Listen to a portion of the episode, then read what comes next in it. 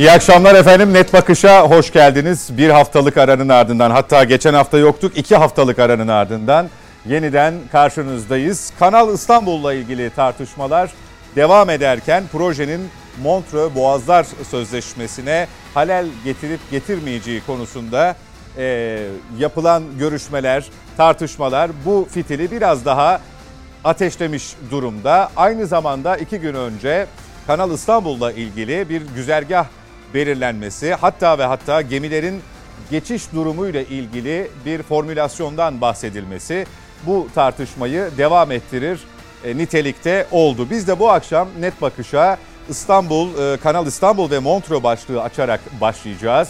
Sonrasında da kanal projesine karşı çıkmadaki asıl amacın e, arkada yatan nedenin ne olduğunu sorgulayarak devam edeceğiz. Konuklarımı tanıtayım hemen sizlere. Her hafta olduğu gibi Mete Yarar ve Mücahit Birinci daimi konuk olarak bizimle birlikte. Hoş geldiniz Mete Yarar, Mücahit Birinci merhaba. Hoş bulduk sağ olun. Ankara stüdyoda gazeteci yazar Doktor Hulki Cevizoğlu Net Bakış'a katılıyor bu akşam bizimle birlikte. Sayın Cevizoğlu hoş geldiniz. Hoş bulduk. İyi yayınlar. Teşekkürler ve Ufuk Üniversitesi öğretim üyesi Profesör Doktor Sencer İmer. Ee, size de hoş geldiniz diyoruz hocam Net Bakış'a. Hoş bulduk efendim. İyi yayınlar diliyorum. Teşekkürler. Stüdyodaki arkadaşları da saygıyla selamlıyorum. Aynı sağ olun hocam. Sağ olun.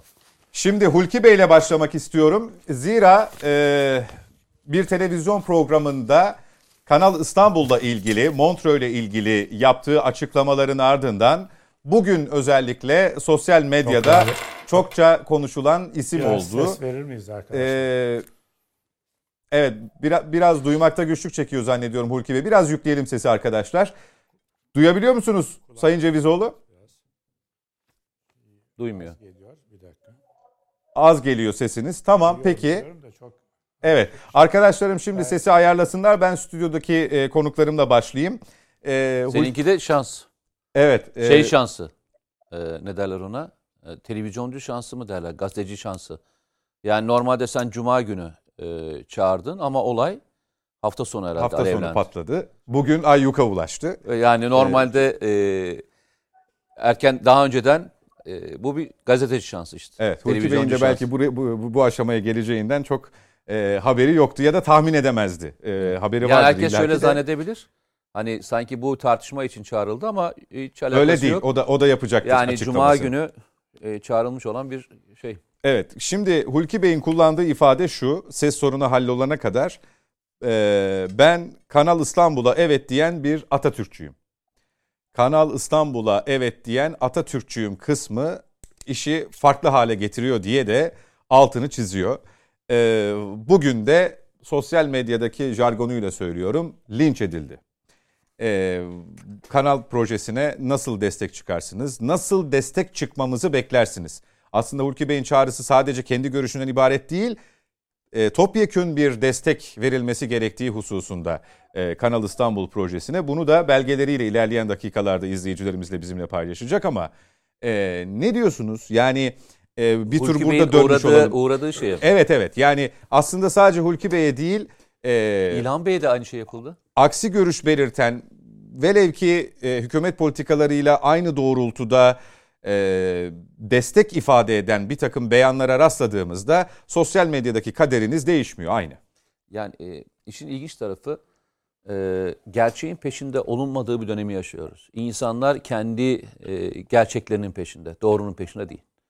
O yüzden de e, bu konunun içerisindeki veriler, e, beyanlar, belgeler çok da fazla bir şey anlam ifade etmiyor. Anlam ifade etmediği için de zaten tartışıyoruz. Hatırlıyor musun? E, en son programdı değil mi? E, Mücahit beraber burada e, bu psikolojik harekatla ilgili bir konu konuşmuştum, anlatmıştım. Hani Doğru. bir şeyi çok tekrarlamak, tortu hikayesi. Tortulaşma, Hatırlıyor evet. musun? Bulaşık makinesi Bulaşık Bulaşık makinesi, kireç tutma Kireç hikayesi. tutma hikayesi. İşte tam tam yaşadığımız şey bu. Arka arkasına aynı şeyleri, aynı şeyleri, aynı şeyleri, aynı şeyleri. Hatta daha iddialı bir şey söylemiştim. Yine hatırlayanlarınız bilir. Bu işte güvenlik soruşturmaları ve diğerleriyle ilgili konuşulurken bu tek başına yapılmış bir şey değildir. Bunun arkasından başka bir şey gelecek demiştim. Hatırlıyor musunuz? Yani bu böyle e, atıp yapıp atacağınız bir şey değil. Bu paketlenecek ve başka bir şekilde servis edecek demiştim. Daha sonra ne ortaya çıktı? ifadelerde de ortaya çıktı ki asıl amaç bununla beraber Kanal İstanbul ve Montreux ile ilgili olan bildirinin hazırlanmasıymış. Yani ikna etmek için kullandık diyor. Bunun hazırlığının aslında bir reçetesi gibi. İkna etmek için kullandık diyor. Zaten Ben bunu ben söylemiyorum. Adam hazırlayan şahıs diğerine attığı mesajda bunu açık açık söylüyor. Hep söylemeye çalıştığımız hep diyoruz ya başkaları için söylenen kelimeler tek başına bir anlam ifade etmeyebilir. Ama onun bir sonraki aşamasını bildiğimiz için nereye doğru gideceğini tahmin edebiliyoruz aşağı yukarı. Yani Hulki Bey bugüne kadar hiç çekilmedi. Yani yarın sabah da daha farklı bir şey söyleyebilir. Çünkü onun üslubu bu. E, o inandığı şey neyse onun arkasında yıllarca duran bir gazeteci, yıllarca duran bir televizyoncu. Öyle gidecek. E, hoşlanmayacaklar. Hoşlanmayacaklar. Yani hem Hulki Bey'in doğru söylemesinden hoşlanmayacaklar. Çünkü Hulki Bey şöyle bir insan değil. Alıp paketleyip kenara koyacağımız birisi değil. Yıllardan beri saygınlı olan bir gazeteci. Onun söylediğinin bir anlam ifade ettiğini bilen insanlar daha çok saldıracaklar. Peki soralım mı kendisine? Galiba şimdi sağlıklı bir şekilde duyabiliyor bizi. Hulki Bey nasıl hissediyorsunuz kendinizi? Soralım. Vallahi her söylediğinizi duydum. Yani O zaman geri alalım. ama Geri alalım. yok e, gayet güzel söyledin Mete yarar sağ olsun. E, ama sizin stüdyonun yankısı geliyor benim kulaklığıma. Onu da halledeceklerdir. Ee, siz, siz, siz bir başlayın konuşmaya hayırlısıyla. O şimdi şş, tabii tabii. Benim konuşmalarımın hepsi çok hayırlıdır. Hayırlara başka hayırlara da vesile olur. Şimdi Mete Yarar'ın söylediği e, sözler üzerinden gidelim ve sizin sorunuzla bağdaştırayım. Gayet iyi hissediyorum. Hiçbir sıkıntım yok. Yani bu e, bir bazen oluyor. Benim yüksek lisans, e, psikolojideki yüksek lisans tezim kitle psikolojisi üzerineydi. Ben kitle davranışlarını, daha sonra doktora tezim de toplumsal hareketler üzerineydi. Yani ben bireysel olarak hem bir insanın psikolojisini çalışmış bir insanım hem de toplu halde kitlelerin davranışının nasıl olduğunu, arkasına yatan nedenleri bilimsel olarak çalışmış ve bu konularda tez yazmış insanım. Şimdi bu da e, bugün TT oldun diye arkadaşlar beni aradılar. Çok çok matah bir şey olmuş gibi. Ya dedim baktım ki 17. sıradayız böyle TT mi olur? Sonra dediler ki 6. sıraya yükseldin. Bravo. Bir ara bir de gördüm böyle- hocam sizi. Ha, maşallah birincilik şampiyonluğu almışız. Ama böyle e, fikir yerine küfürlerin olduğu bir sosyal mecra, sosyal ortam onaylanacak ve sevinilecek bir durum değil. Bazen toplumlarda bir epistemik şizofreni olabiliyor. Yani bilgisel bir şizofreni. Eğer bilgiye sahip değilseniz tepki gösteriyorsunuz ve o arada cehaleti de kutsar hale geliyorsunuz. Cehaletin kutsanmasını biz sağda da görüyoruz, solda da görüyoruz. Az önce otomobilde sizin stüdyoya gelirken tesadüfen radyoda bir türkü çıktı. Ee, yalan dolan ne diyordu Ozan? Yalan dolanla solculuk olur mu diyordu türküsünde. Şimdi e, yalan dolanla bilmeden ezberlenmiş verili bilgilerle kalıp yargılarla düşündüğünüz zaman bunlar herkesin başına gelebilir. Yani buna e, siyasal rejim denebilir. Eline taşı aldı. Bugünkü günümüzdeki taş işte internetin, cep telefonunun tuşuna basmak. Taş olarak o. Taş atıyor. Şimdi bunlar benim çok umurumda olan bir şey değil. Çünkü sözümün arkasındayım. E, doğru bir şey söyledim. Geçen hafta salı akşamı yani yarın tam bir hafta olacak. Neredeyse bir hafta sonra birdenbire benim sözlerimi çok değerli buldular ve eleştirilmeye değer bulan bazı çevreler o çevrelerin adını da ben tanımlıyorum, söylüyorum. Atatürkçü kesimin içindeki bazı çok saygın bir çevre, Atatürkçü çevre, Atatürkçü kitlenin içindeki bazı bağnazların oluşturduğu bir çevre bu. Bağnazlık her yerde olabiliyor. Yani Türkiye'de olur, başka ülkede olur, sağda olur, solda olur. Bağnazlığın yeri yok. İnsan olan yerde modernite de olur. Atatürk'ün dediği gibi e, muasır insanlar da olabilir ama muasır olmayan insanlar da olabilir. Bunları gördük. Ben şunu söylemiştim. Kanal İstanbul projesini destekleyen bir Atatürkçüyüm. Bugün biraz baktım şöyle Twitter'daki sözlere.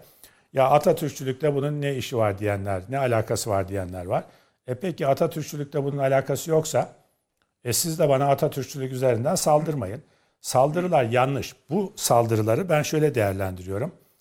İktidar olamamanın yani şimdi bir CHP var değil mi ana muhalefette Atatürkçü parti olarak adlandırılan öyle bir parti demiyorum.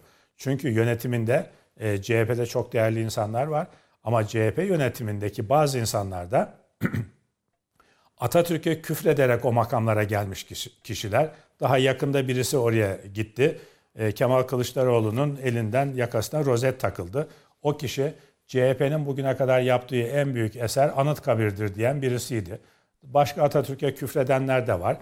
E, o yüzden Atatürk'ün partisi demiyoruz CHP'ye. CHP Atatürk'ün vefatı ile Atatürk'ün partisi olmaktan çıkmıştır. Sonra kim genel başkan olduysa onun partisi olmuştur. İnönü'nün CHP'si olmuştur. Bugün Kemal Kılıçdaroğlu'nun CHP'sidir. Yani Atatürk'ün CHP'si değildir. Ne söyleyebiliriz? Atatürk'ün kurduğu partidir diyebiliriz. Şimdi gelelim bu tarafa. Nasıl değerlendiriyorum onu anlatıyordum. Şöyle CHP yüzünden iktidar olamayan Atatürkçü kitle, şimdi herkesin iktidar olmak istiyor. Gayet doğal bir arzu bu. Ee, ama onların beceriksizlikleri, başarısızlıkları ve başarısızlığa rağmen bulundukları koltukları terk etmemeleri nedeniyle bu kitle volkanik bir kitle. Çok da haklılar. Ben de haklıyım. Ee, e, CNN'de de çok söyledim haftalarca. Ben 20 yıldır CHP'ye oy veren bir seçmenim. E, 20 yıldır bunun karşılığında CHP bana bir tane iktidar veremedi. Bir kez iktidar veremedi. Bana borçlu 20 yıldır. Bu karşılıklı borçlar hukuku ile borçlar hukukundaki gibi zımni bir anlaşma var. Seçmen olarak ben sana oy vereceğim. Sen de bana iktidar vereceksin. 20 yıldır bana iktidar veremedin. Kitle volkanik bir şekilde kaynıyor haklı olarak. Hırsını Dolayısıyla alacaklıyım hep istiyor. diyorsunuz. Çok alacaklıyım. İnanılmaz alacaklıyım. 20 yıldır 20 yıldır birlikte alacaklarımız CHP'den ama e, eleştirileri ve tepkileri CHP'ye yöneltemeyen kitle, yönelse de sonuç alamayan kitle, sonuç alabileceğini, hedefe ulaşabileceğini tahmin ettiği yere öfkesini yönlendirmeye çalışıyor. Ben bunu da bir akademisyen olarak gayet doğal karşılıyorum. Yanlış ama doğal. Arkadaşlara e, sakinlik tavsiye edelim. Bir e, e, yani bana dur dediğiniz zaman ben susarım onu hatırlatın ee, da. Evet evet evet. Burayı burayı bir ya girizgah kabul edelim Sayın Cevizoğlu. Diğer konuklarımın da çünkü tamam, görüşlerini alacağım. Siz tamamlayın cümlenizi. E, diğer turda daha da açacağız konuyu. E, tamamlamış olayım. Peki. Bende çok peki. söz var burada, belgeler var. E, peki. o, o belgeleri yansıtacağız birazdan yani ekrana. Ne söylediğimi bir kere daha tekrar edeyim isterseniz. E, şunu tekrar edeyim. Arkadaşlar bu kulaklıktan ses gene yankı yapıyor. Onu tam hallederseniz. Şöyle ben dedim ki o programda Başak Şengül'ün programında Kanal İstanbul'a niye karşısınız? CHP karşı diye mi? Ya da bunu Tayyip Erdoğan yapıyor diye mi karşısınız? Tayyip Erdoğan'a karşı olabilirsiniz. Erdoğan'a karşı olmak ile Kanal İstanbul'a karşı olmak egemen bir devlete inanıyorsanız Atatürk'ün söylediği gibi tam bağımsız bir ülkede yaşamak istiyorsanız ve böyle yönetilmek istiyorsanız Kanal İstanbul'a hayır dememeniz gerekir dedim. Kanal İstanbul'a yarın siz herhangi bir şekilde inşallah iktidar olursan ey CHP istediğin kuralları uygulatırsın Kanal İstanbul'da. Efendim etrafında rant olacakmış. Rant her yerde var. Kanal İstanbul değil, Boğaz'ın kenarında yok mu bugün rantlar? Ankara'da yok mu? Her yerde var. Kanal İstanbul'un etrafındaki ranta karşıyım dedim o programda. Gene karşıyım. Haksız kazanca karşıyım. Sen haksız kazancı engelle. Ama öbür taraftan ulusal egemenliğinin sembolü olabilecek bir kanalı, bir proje diyelim. İlla Kanal İstanbul olması şart değil. Ben öyle bakıyorum. Hatta belki 15 gün sonra bazı arkadaşlar ayılır. Oradan da bir eleştiri yönelten insanlar çıkabilir. Şunu söyledim. Anadolu tarafında da bir kanal daha yapılması gerekir dedim. Bırakın Trakya tarafında Kanal İstanbul'u. Anadolu tarafında da bir kanal daha yapılması gerekir dedim. Bana kalsa Ankara'yı da Sen Petersburg gibi Ankara'nın içinde kanallarla donatırım ben Ankara Büyükşehir Belediye Başkanı olsam. Ya Sen Petersburg'un içinde tam 200 kilometre uzunluğunda kanallar var. Niye Ankara'ya yapın hani eskiden Ankara'ya deniz getirmek esprisi vardı ya Ankara'ya çok ırmaklar var etraftan besleyebileceğiniz. Ankara'ya da kanallar yap. Yani biz bunu Amerika'ya mı soracağız? Atatürk diyor ki az sonra geleceğiz. Bu boğazlardaki proje e, uluslararası ilişkiler Rusya'nın işine geliyor diyor. Biz bugün Montreux ile Rusya'da hizmet eder hale gelmişiz. Efendim peki emperyal bir devlete Amerika'ya hizmet mi ediyorsun sorusu sorulabilir. Çok haklıdır. Onun cevabı da çok basit. Hayır ben egemen bir devlet olarak Kanal İstanbul'u yaparım. Başka projelerde yaparım ama güç bende olur. Amerika'ya hizmet edecek bir proje ister Kanal İstanbul'u olsun ister baş, başka bir proje ona da karşı olduğumu her zaman söyledim. Şimdi de söylüyorum. Ama Peki. sen artık bu ata binen süvarinin tavrına benzer. Altımızda bir at var. Atı iyi kullanacaksın, iyi süvari olacaksın, iyi şoför olacaksın gibi bir şey. Buyurun. Peki. Mücahit Bey, e, Hulki Bey'in e, tamamlarken e, söylediği bir şey var. Bir şeye karşı çıkabilirsiniz. E, etrafındaki ranta, yanlışlara bunu da söylemeniz lazım en yüksek sesle. Ama engellemek de e, iktidarsanız o sizin göreviniz. E, eğer e, ülkenin âli menfaatlerini ilgilendiren, ulusal egemenliği ile ilgili bir proje ortadaysa e, bunu e, hakkını teslim ederek tartışacaksınız. Tartışmayalım demiyor. Tartışalım eksileriyle artılarıyla ama e, böyle bir şeye neden karşı çıktığınızı ayakları yere basar şekilde itirazlarınızı ortaya koymanız gerekiyor diyor. Bu sadece Kanal İstanbul'da değil bizim son 20 yılda gördüğümüz bütün devasa büyük projelerde bu ulusal egemenlikle ilgili olabilir. E, sosyal bir takım e, büyük projeler olabilir. Tarihte e, ilke sahne olan, örneği daha önce yapılmamış ya da yapılanların devamı niteliğinde olabilir. Bunu biz sıklıkla gördük. E, neden karşı çıkıldığının da tam anlamıyla e, muhatabını da bulamadık. E, şöyle yapsanız daha iyi olurunu da bulamadık. Benzer bir durumla karşı karşıyayız galiba. Aynen öyle. E, bu istemezlikçü zihniyettir bu. Yani işte Vatan Caddesi'nden başlayın tutun. E, ki Vatan Caddesi yapılırken bir takım eleştirilere, oradaki bir takım tarihi eserlerin e, yok edildiği noktasındaki eleştirilere ben de katılırım ama ya toptan bir projeye karşı çıkmak ne demek ya? Yani eleştiriyi sizin dediğiniz gibi rasyonel zeminde e, gerçekten itiraz edilebilecek noktalarda yaparsanız toplumun büyük kesimleri size destek verir. Şimdi e, bu e, İstanbul Havaalanı, Havalimanı ile alakalı bunu gördük mü? Evet gördük. Gezi sürecinde o yayınladıkları deklarasyonda işte Taksim'deki camiden tutun İstanbul Hava e, e, Limanı'na kadar e, bir takım itirazları vardı. Üçüncü Boğaz Köprüsü'ne itirazlarını gördük. Evet gördük. E, barajlara nükleer enerjiye itirazları var mı? Evet nükleer enerjiye de itirazları var. Fakat bunların alt zemini, alt e, altlığı doldurulabilmiş değil. Yani doldurulamıyor. Bu e, toplumu ikna edici noktada rasyonel temelde bir açıklama, izah yok. Genelde istemezük yani e, biz bunu bu hizmeti istemiyoruz tarzında bir yaklaşım görüyoruz. Bu bir iki istisnai hadise de olsa e, biz de dinleriz, kulak kabartırız ama bu o kadar sık tekrar ediyor ki sizin buyurduğunuz gibi biraz önce o kadar sık tekrar ediyor ki artık bunun bir alışkanlık haline geldiği kanaati hasıl oluyor bizde. Yani belli bir güruhta bunun bir alışkanlık haline geldiği kanaati hasıl oluyor. Şimdi Montreux bildiğiniz gibi e, bir çok kısa değineyim. 1936 yılında bu Almanya'nın Rhein bölgesine, Ren bölgesine girmesiyle birlikte oluşan kon, e, konjöktür e, noktasında bizimkilerin, e, Türklerin e, orayı değerlendirmesiyle yaptığı bir kazanımdır aslında Montreux. Zamanına göre iyi bir kazanımdır Montreux.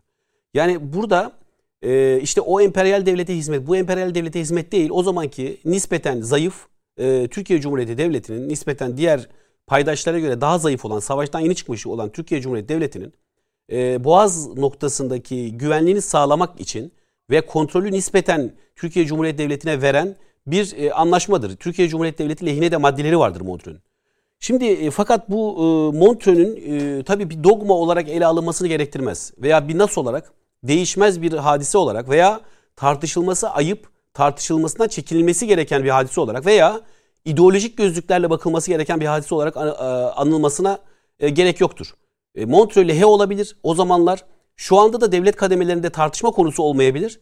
Fakat bunu uzmanlar, hukukçular ve paydaşlar tartışabilirler Montreux'u. Bunda, bunda çekinilecek bir şey yok. Yani buna işte bir ideolojik kalkanı koyup da e, birçok kere karşılaştığımız gibi işte buna bir ideolojik kalkanı koyup ne derseniz deyin bakın Atatürkçülüğü koyup başka şeyi koyup e, bu Montreux'ün tartışılmaz hale gelmesini sağlamak akılcı bir hadise değildir.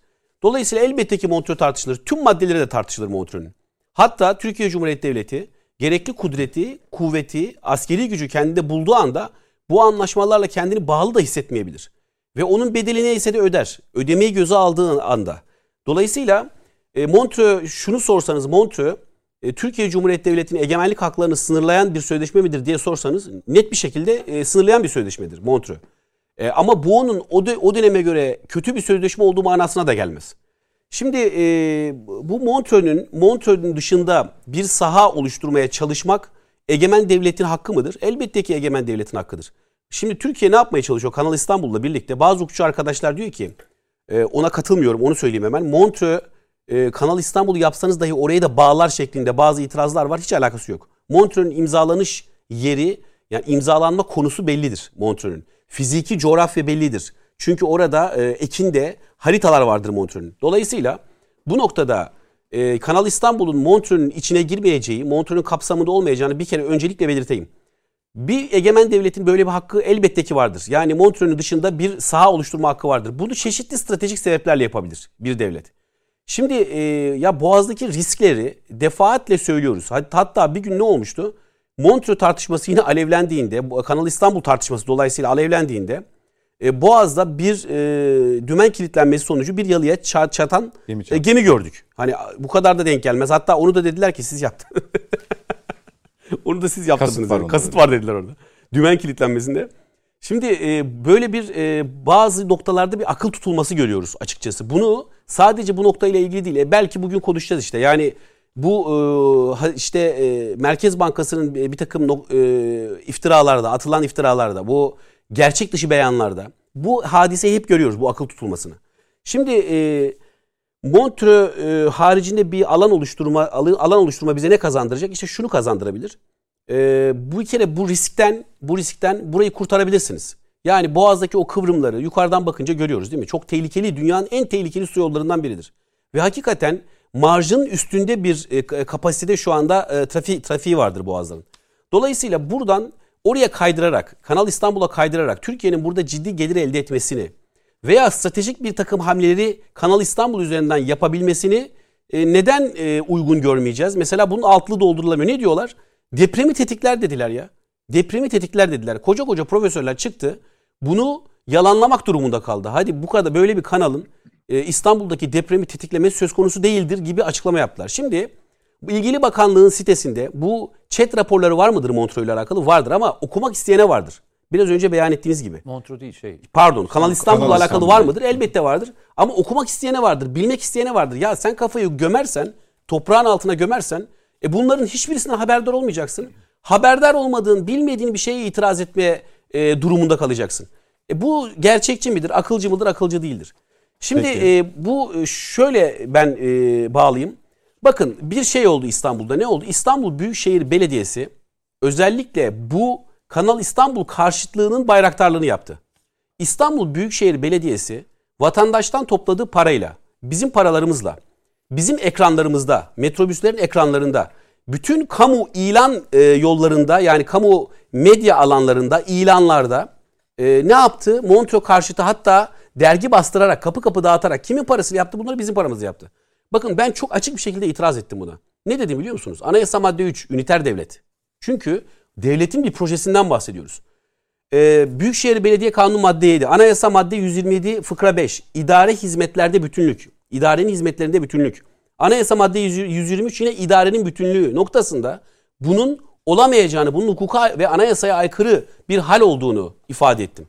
Ee, şimdi düşünün yani İstanbul Büyükşehir Belediyesi e, Başkanı kendi cebinden böyle bir itiraz sergileyebilir mi? Bu e, Kanal İstanbul projesine itiraz edebilir mi? Elbette demokratik ülkelerde itiraz edebilir. Fakat İstanbul Büyükşehir Belediyesi'nin yani bizim bütçemizle devletin bir projesine itiraz etmeyi benim kanaatime göre hukuka aykırıdır.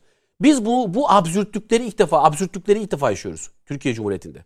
Bunlar ilk. Yani bu kadar böyle bir uyumsuzluk, e, böyle bir e, altı boş itiraz, işte e, adeta eylemselliğe kışkırtan, kendine bağlıları eylemselliğe kışkırtan, orada bir takım eylemlere sahne olsun diye bekleyen bir hal ve tarz var. Bunların hiçbirisi e, Türkiye Cumhuriyeti Devleti'nin çıkarlarına hizmet eden hareketler değildir. Peki. Demek ki demek ki son olarak bunların derdi Türkiye Cumhuriyeti'nin âli menfaatleri değil, e, başka şeylerdir diye düşünüyorum ben açıkçası. Peki Sencer Hocam e, bu konuyla ilgili görüşlerinizi almak isterim. Şimdi e, tartışma uzun süredir devam ediyor. E, son olarak benim girişte bahsettiğim işte ticaret gemilerinin e, bu kanaldan geçebileceği ve e, savaş gemilerinin boğazdan geçişini sürdürebileceği şeklinde burada da Montreux'e bir atıf var. Dolayısıyla bir halel gelmeyeceği yani sözleşmeye bir halel gelmeyeceği konusunda da e, chat raporunun ardından ortaya çıkmış bir fikir e, söz konusu. E, bu karşı çıkma, destekleme Hulki Bey'in e, bugün e, söylediklerinden dolayı e, sosyal medyada çokça konuşulması, linç edilmesi e, çerçevesinde siz neler düşünüyorsunuz? Yani biz projenin kendisinden çok e, çıkış noktasını e, neden ihtiyaç olduğunu ya da karşı çıkanların neden karşı çıktığını tam bilmeyerek mi ilerliyoruz?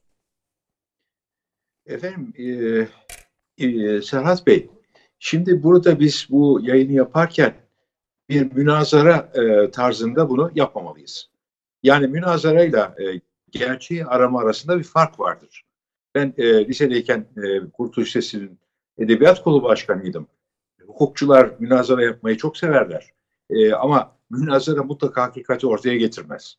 Yani burada e, hakikat dışı bir şey de sonunda kazanabilir. Yani onun için bizim yapmamız gereken şey münazara değil, objektif argümanları koyarak bilimsel olmaktır. Yani birincisi bu. Yani bu çok önemli. İlkesel olarak bunu söylüyorum.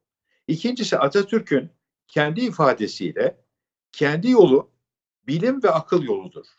Yani bilime ve akla ters gelen şeyler e, Atatürkçülükle bağdaşmaz. Bu çok önemli. Atatürkçülük bir ideoloji olarak ele şayet en önemli prensibi akıl ve bilimciliktir. Bu ikisi olmadığı takdirde Atatürkçülük olmaz. Aksi takdirde kalıp olur. Şimdi demek ki şartlar değiştiği yani zaman... akla ve bilime aykırı her şey Atatürkçülüğün Olmaz, dışında olmaz. mıdır? Evet dışındadır. Akla ve bilime aykırı olan her şey dışındadır. Dikkat ederseniz İslamiyet de böyledir. İslamiyet'te de hiçbir şey yalnız emir dolayısıyla değildir. Kur'an-ı Kerim'de ikide bir şu soru sorulur. Düşünmüyor musunuz? Biz size düşünmeniz için akıl verdik. Düşünmez Biz misiniz? size Evet. işaretler gönderdik. Yani düşünmek, akıl İslamiyet'in de çok önemli bir e, noktasıdır. Ve İslamiyet'te hatta Kur'an-ı Kerim'in içerisinde şu soru dahi sorulur. Bir tane Allah olmayıp da iki tane, üç tane vesaire olsaydı ne olurdu? Düşünsenize denir. Yani bakınız en önemli soru olan varlık yokluk sorunu, Allah'ın varlığı yokluğu sorunu dahi Kur'an-ı Kerim'in içerisinde ortaya konur. Fakat bazı kalıpçılar orada da var. Onlar da zinhar bunu yaparsan dinden çıkmış olursun derler. O bakımdan akılcılık ve bilim aynı şekilde Kur'an-ı Kerim'in de daima öne sürdüğü husustur. İman esasen bir noktada akıl ve bilimin insan kalbiyle birleşmesi sonucunda ortaya çıkan bir husustur. Bu çok önemli bir şey. Biz şimdi bundan uzaklaşıyoruz. Esasen Türk e, kültürünün içerisinde birçok düşünür Mevlana'sından Hacı Bektaşi Velisi'ne kadar daima ve büyük düşünürlerin hepsi isterse Türk olmasın hepsinde bu vardır. Akıl, bilim ve insanları ikna etmek için de kandırmak yapmayacağız. Nasıl yaparız kandırmayı? Sürekli olarak belli argümanları sayarak karşı tarafı çürüttüğümüzü söyleyerek bak gördün mü deriz. Şimdi onun için politikacılarla, münazaracılarla bilim arasında böyle bir fark vardır. Bunun altını çizmek istiyorum. Dolayısıyla bunun sağla, solla, İslamcılıkla, Atatürkçülükle de bir alakası yoktur. Yani bunu bir kere tespit etmek istiyorum. Ben bu şekilde davranan bir insan olduğum için buradaki e, söyleyeceğim şeyler de bununla ilgili olacaktır. Yani lehinde ve aleyhinde söyleyeceğim şeyler de bununla ilgili olacaktır. Onun için bunu burada başı, peşinen başında söyleyeyim. Şimdi bakın efendim. Bir kere Montreux Anlaşması eğer bugün onu konuşuyorsanız bu anlaşma e, su yolları, boğaz yolları anlaşmasıdır. Bu boğaz yolları dendiği zaman Çanakkale Boğazı Marmara Denizi ve İstanbul Boğazı birlikte anlaşılır. Burada yalnız İstanbul Boğazı'ndan söz edilmez. Bütün boğazlar, su yolu anlaşılır. Bir kere Lozan Anlaşması'nda bu su yolu anlaşması Türkiye'nin lehine çözülememiştir. Türk egemenliği burada tescil edilememiştir. Onun için bir Boğazlar Komisyonu kurulmuştur ve bu Boğazlar Komisyonu no Türkiye artık savaşı bitirmek zorunda olduğu için kabullenmiştir. Tıpkı Kerkük-Musul meselesini veya Irak sınırını Lozan'da çizemeyip de Ankara Anlaşması'yla çizdiği gibi. Bu çok önemli. Atatürk daima bu içerisinde ukde olarak kaldığı için bunu yavaş yavaş tasfiye ederek düzeltmeye çalışmıştır. Ve sürekli uğraşmıştır. Yani bu Montreux Anlaşması bir noktada Boğazlardaki Türk egemenliğinin tescili için biraz önce Sayın Avukat Mücahit Bey'in söylediği gibi tescili için yapılmış olan bir anlaşmadır her şeyden önce. Bu sağlanmıştır ve o zamanki konjöktür kullanılmıştır. Almanların işte orada e, Versay Anlaşması'nı çiğnerek yaptıkları işgal hareketi gibi değil de bir anlaşmayla yani Lozan Anlaşması'nda imzası olan bütün devletlerin buraya imza atması suretiyle Montreux Anlaşması sağlanmıştır. Ve burada en büyük denge İngiltere, Fransa batıda, Amerika yok onun içinde biliyorsunuz Lozan'da. Bir de o zamanki Sovyetler Birliği. Bu iki kuvvet. Ve bu iki kuvvetin arasında da Yunanistan, Bulgaristan, Romanya ve Sırp Krallığı ve Japonya var. Şimdi böyle baktığımız zaman da bu anlaşmanın e, imzalanmasında Lozan'ın o maddesini devreden çıkaracağı için büyük önem taşımıştır. Ve nitekim onun için Atatürk Montreux Anlaşması 1936'da 20, Hazir, e, 20 Temmuz'da kabul edildiği zaman mükemmel ama parlak değil dediği zaman o zamanki İtalya'nın bunu imzalamamış olmasına çünkü o da biraz önce unuttum saymayı İtalya'nın imzasının olmamasıyla parlak olma işini ifade etmiştir. Ve onun içinde Montreux Anlaşması'nda bir açık madde bırakılmıştır. İleride Lozan'da bunu imzalamayanların ki İtalya'yı kastediyoruz orada imza atabilme imkanı tanımıştır nitekim İtalya'da iki sene sonra imzasını atmıştır. Bakın şimdi demek ki olayları e, münazara taktiğiyle değil de e, bilimsel tarih analizi yoluyla yaptığımızda ve doğru dürüst hukuk analizi yaptığımız durumda mesele ortaya çıkıyor. Türk egemenliği Montreux Anlaşması'yla e, bir noktada Lozan'da sağlanamayan egemenlik hakkı sağlanmıştır. Türk Aslında Lozan'ın devamı niteliğinde. Hakkı. Evet bu çok önemli bir şey. Lozan Anlaşması'nda yapılamayan bir şey Montreux'de sağlanmıştır. Bakın başka bir şey daha söyleyeceğim. Bu da çok önemli. Ayasofya'nın Ayasofya'nın müze olarak ilan edilmesi 1900 eğer doğru hatırlıyorsam 1934 senesidir. Şimdi bu e, bunun ilanında da bakın şöyle bir mantık var. Yunanlılar için ve Ortodokslar için e, Ayasofya büyük önem taşıyor malumunuz. E, onlar için sembolik bir değeri var. Dolayısıyla Yunanistan veto ettiği takdirde, imza etmediği takdirde Lozan Anlaşması'nın o maddesinde imzası olan bütün ülkeler imzalamış olmayacaktı. Aynen İtalya gibi. Dolayısıyla Yunanistan'ı memnun edecek bir davranışta bulunulmuştur. Onu açık söylüyorum. Ve e, Ayasofya 1923'ten 1934'e kadar cami olarak kaldığı halde 1934 senesinde müze ilan edilmiştir. Ee, hocam biraz biraz daraltabilir miyiz konuyu? Çok genişten aldık tamam, farkındayım. Anlaşılabilir. İmza edilmiştir, imza edilmiştir ve ondan sonra Yunanlılar itirazlarını kaldırmışlardır ve Yunanlılar başka bir şey daha yapmışlardır o tarihte. Türkiye buna da itiraz etmemiştir.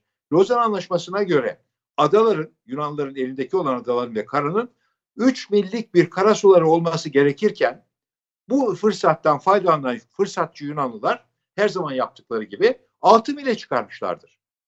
Ya biz de buna itiraz etmemişizdir. Kabul etmiş, kabul de etmemişizdir. 1960'lı yıllarda biz de 6 mile çıkarmışızdır. Keşke 3 mil kalsaydı. O zaman evet. orası bu, Yunan bu, bu her mil tartışmasında e, sıklıkla duyduğumuz bir şey zaten. 12 mil olursa ki biz kabul etmiyoruz. Savaş sebebi diyoruz. Değil mi? Ee, evet. Dolayısıyla o zaman bir Yunan denizi yapacaklar oraya Yunanlar. Biz bunu kabul etmiyoruz. Gelelim Buradan Kanal İstanbul'a hocam hızlıca. Buna İstanbul'a gelelim. O zaman bunu yaptığımız zaman da Türkiye bu egemen hakkını sonuna kadar kullanacaktır. Ve sonuç çok enteresan olmuştur. Ee, imzalandığı tarihten bugüne kadar 85 sene e, Karadeniz bir barış denizi olarak kalmıştır. Cumhurbaşkanı Erdoğan'ın özellikle Ukrayna Devlet Başkanı ile yaptığı ziyarette söylediği gibi basın toplantısında, açıklamasında e, Karadeniz bir barış denizi olarak kalmıştır ve barış denizi olarak da kalmalıdır. Çünkü bu Türkiye'nin de çıkarınadır. Bu oradaki bütün kıyıdaş devletlerin de tabii Rusya'nın da aynı zamanda çıkarınadır. Bu çok önemli bir şey. Başka ülkelerin savaş gemileri oraya sınırlı girebilmektedir hem süre olarak hem de tonaj olarak ve bu da bir noktada oranın savaş alanı haline gelmesini engellemiştir. 86 sene az bir şey değil. Neredeyse 100 sene olacak. Bu çok önemli bizim lehimize. Peki. Ve dikkat edin, dikkat edin. Karadeniz'de bu sayede ne sağlanmıştır? Karadeniz'de e, münhasır ekonomik bölge sınırları çizilmiştir. Hiç kavga dövüş olmadan ve biz de orada petrol gazımızı bulmuşuzdur. Yani e, 460 e, bin kilometre karelik Karadeniz'in aşağı yukarı 170 bin kilometre karesi yüzde 40'ı Türkiye'nin münhasır ekonomik bölgesidir. Bunu da unutmayalım.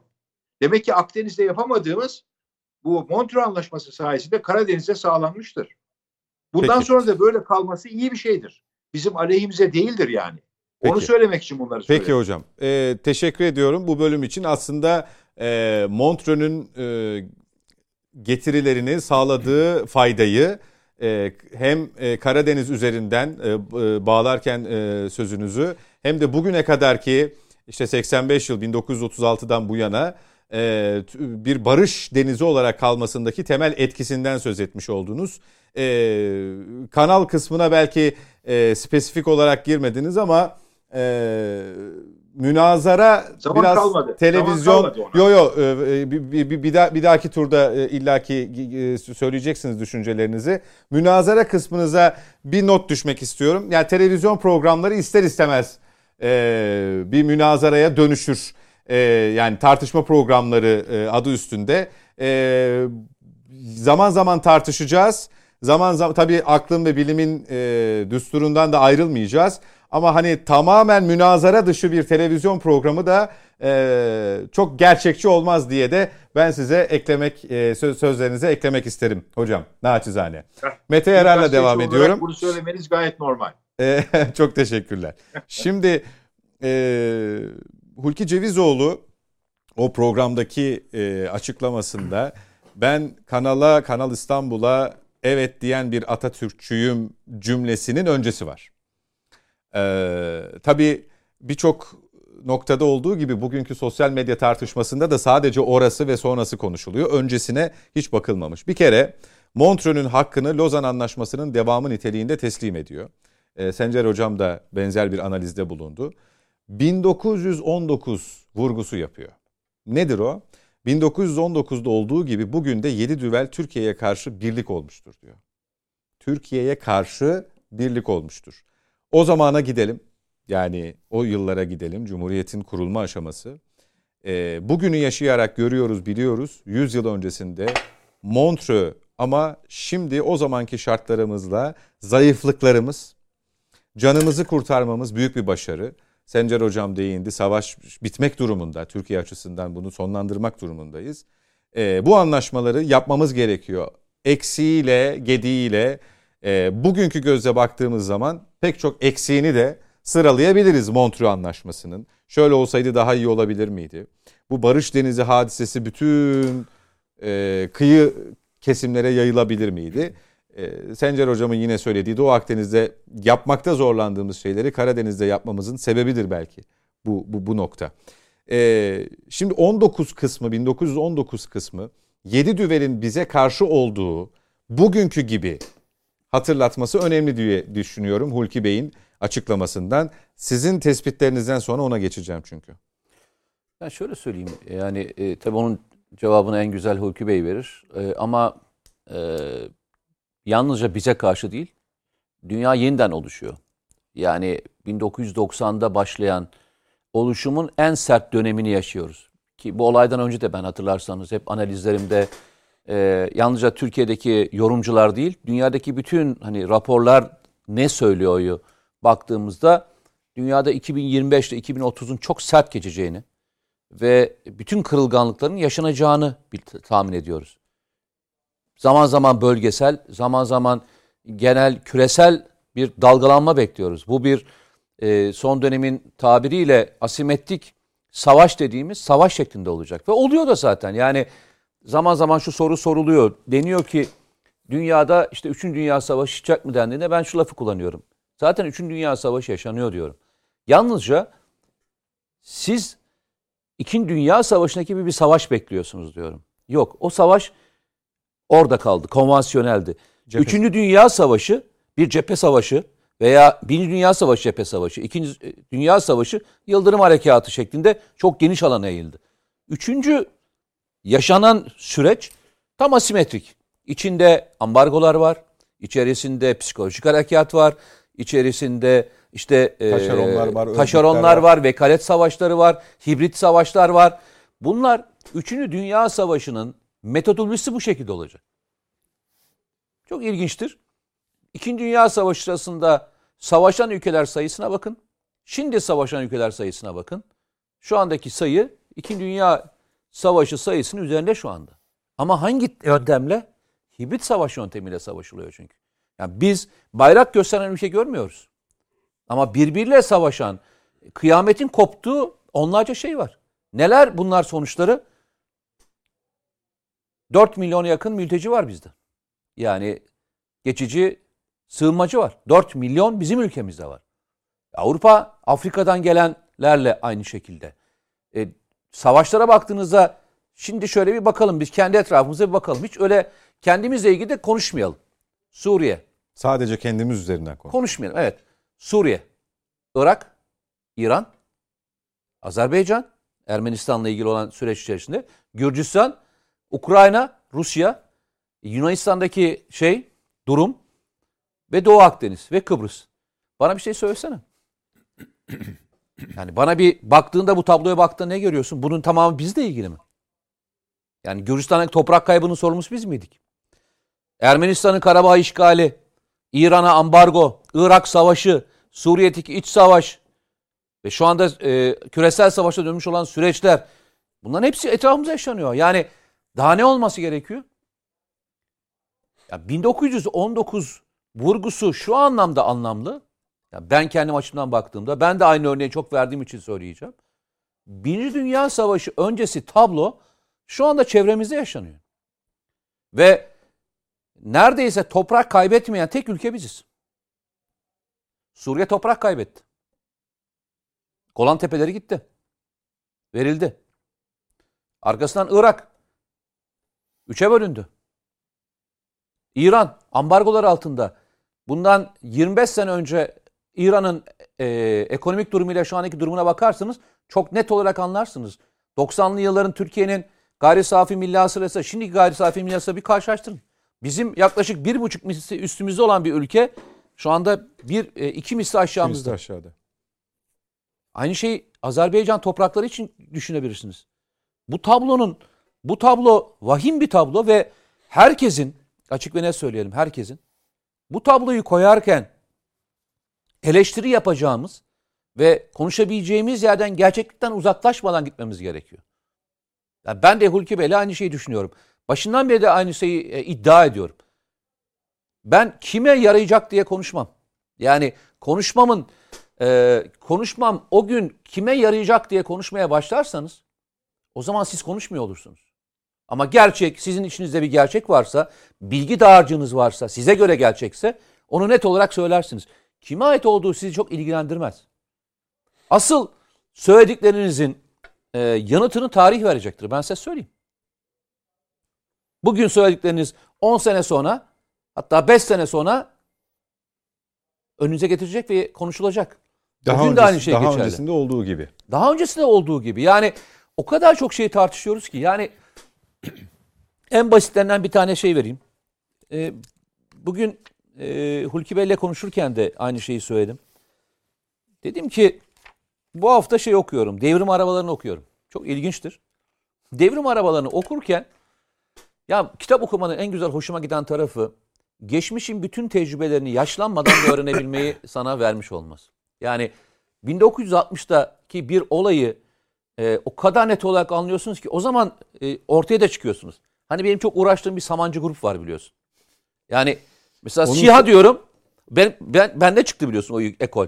SİHA diyorum ama biz saman sa- ithal ediyoruz diyor. Ben diyorum ki motor diyorum ama biz saman ithal ediyoruz diyen bir grup var. Fobi haline geldi. Ben Ama bugün sırrını çözdü. Ben Ee, gerçekten- Devrim Arabaları kitabıyla bunun Devrim sırrı- Arabaların kitabında bu grubu buldum. Aydınlanma yaşadı. Bak gerçekten aydınlandım. Ben bunların bu dönem yaşadığını falan zannediyordum. Ama o kadar net yaşanmış ki bak. Var var her dönemde var. Cemal Gürsel bu devrim araba yapmak için bir kongre topluyor. Çok da bilimsel aslında.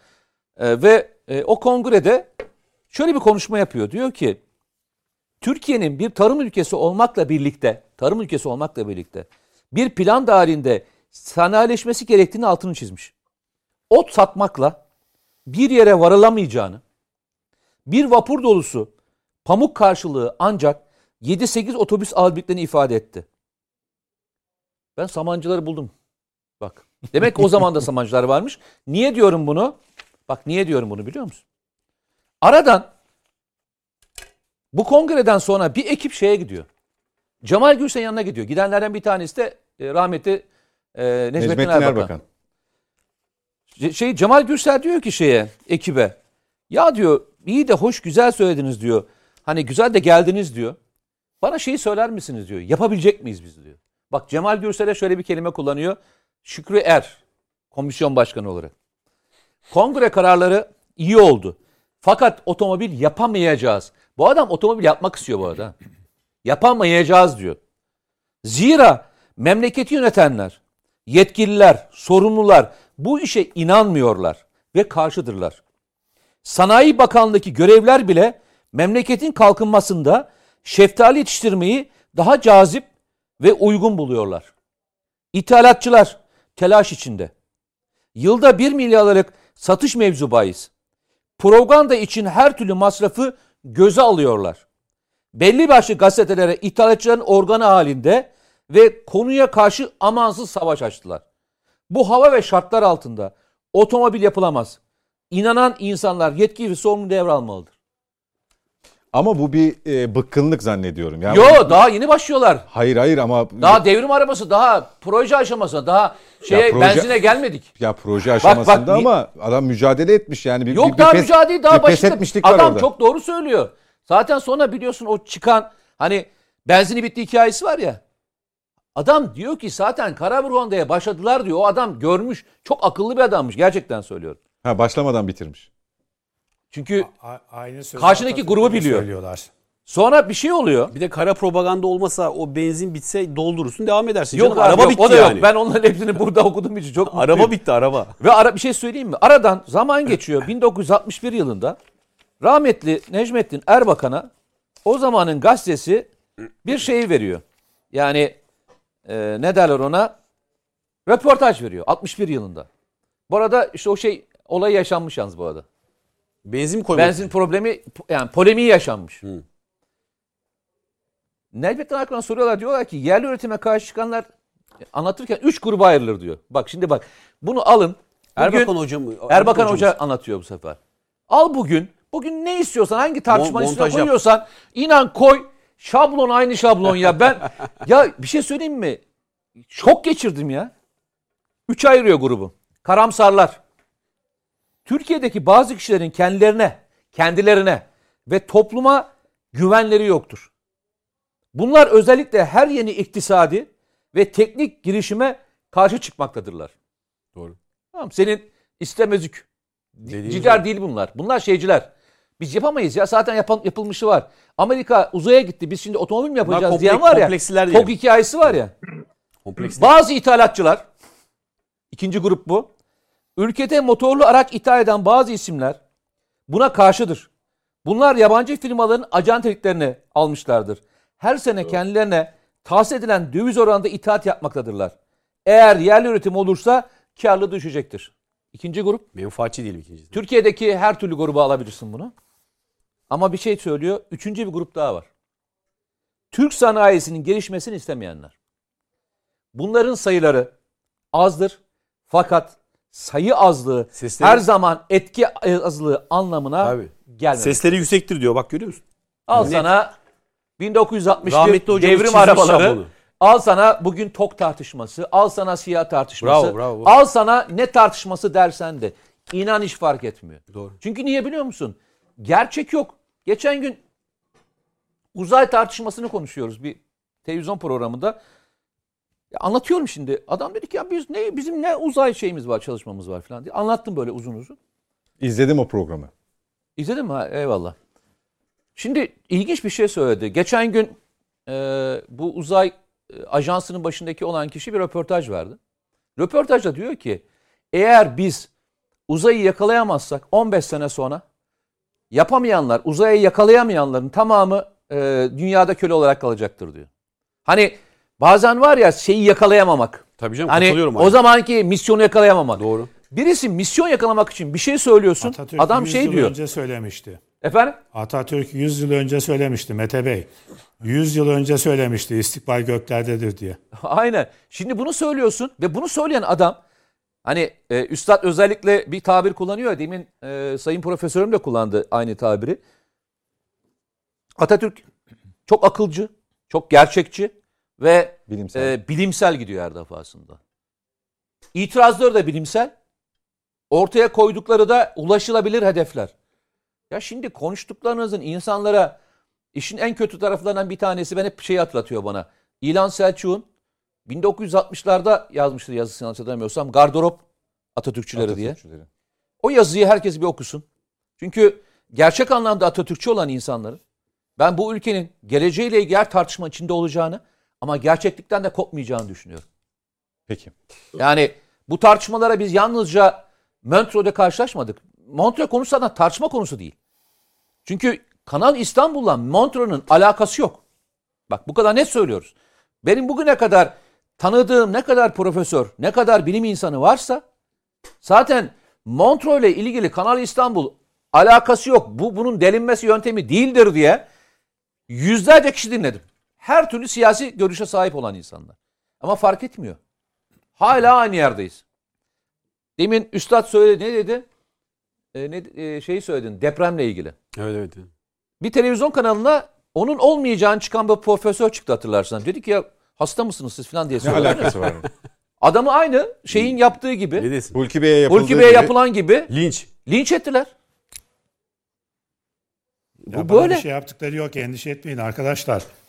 Yok yok ya. Hulki Bey ya çok rahat Hulki Bey biz maşallah. hani biz o anlamda Yani, bir şey e, söylemiyoruz. Biz Endişe, endişe e, sizden endişe etmiyoruz. ben- ben Bizim buradayım, endişemiz onlara etmeyin. onlara karşı.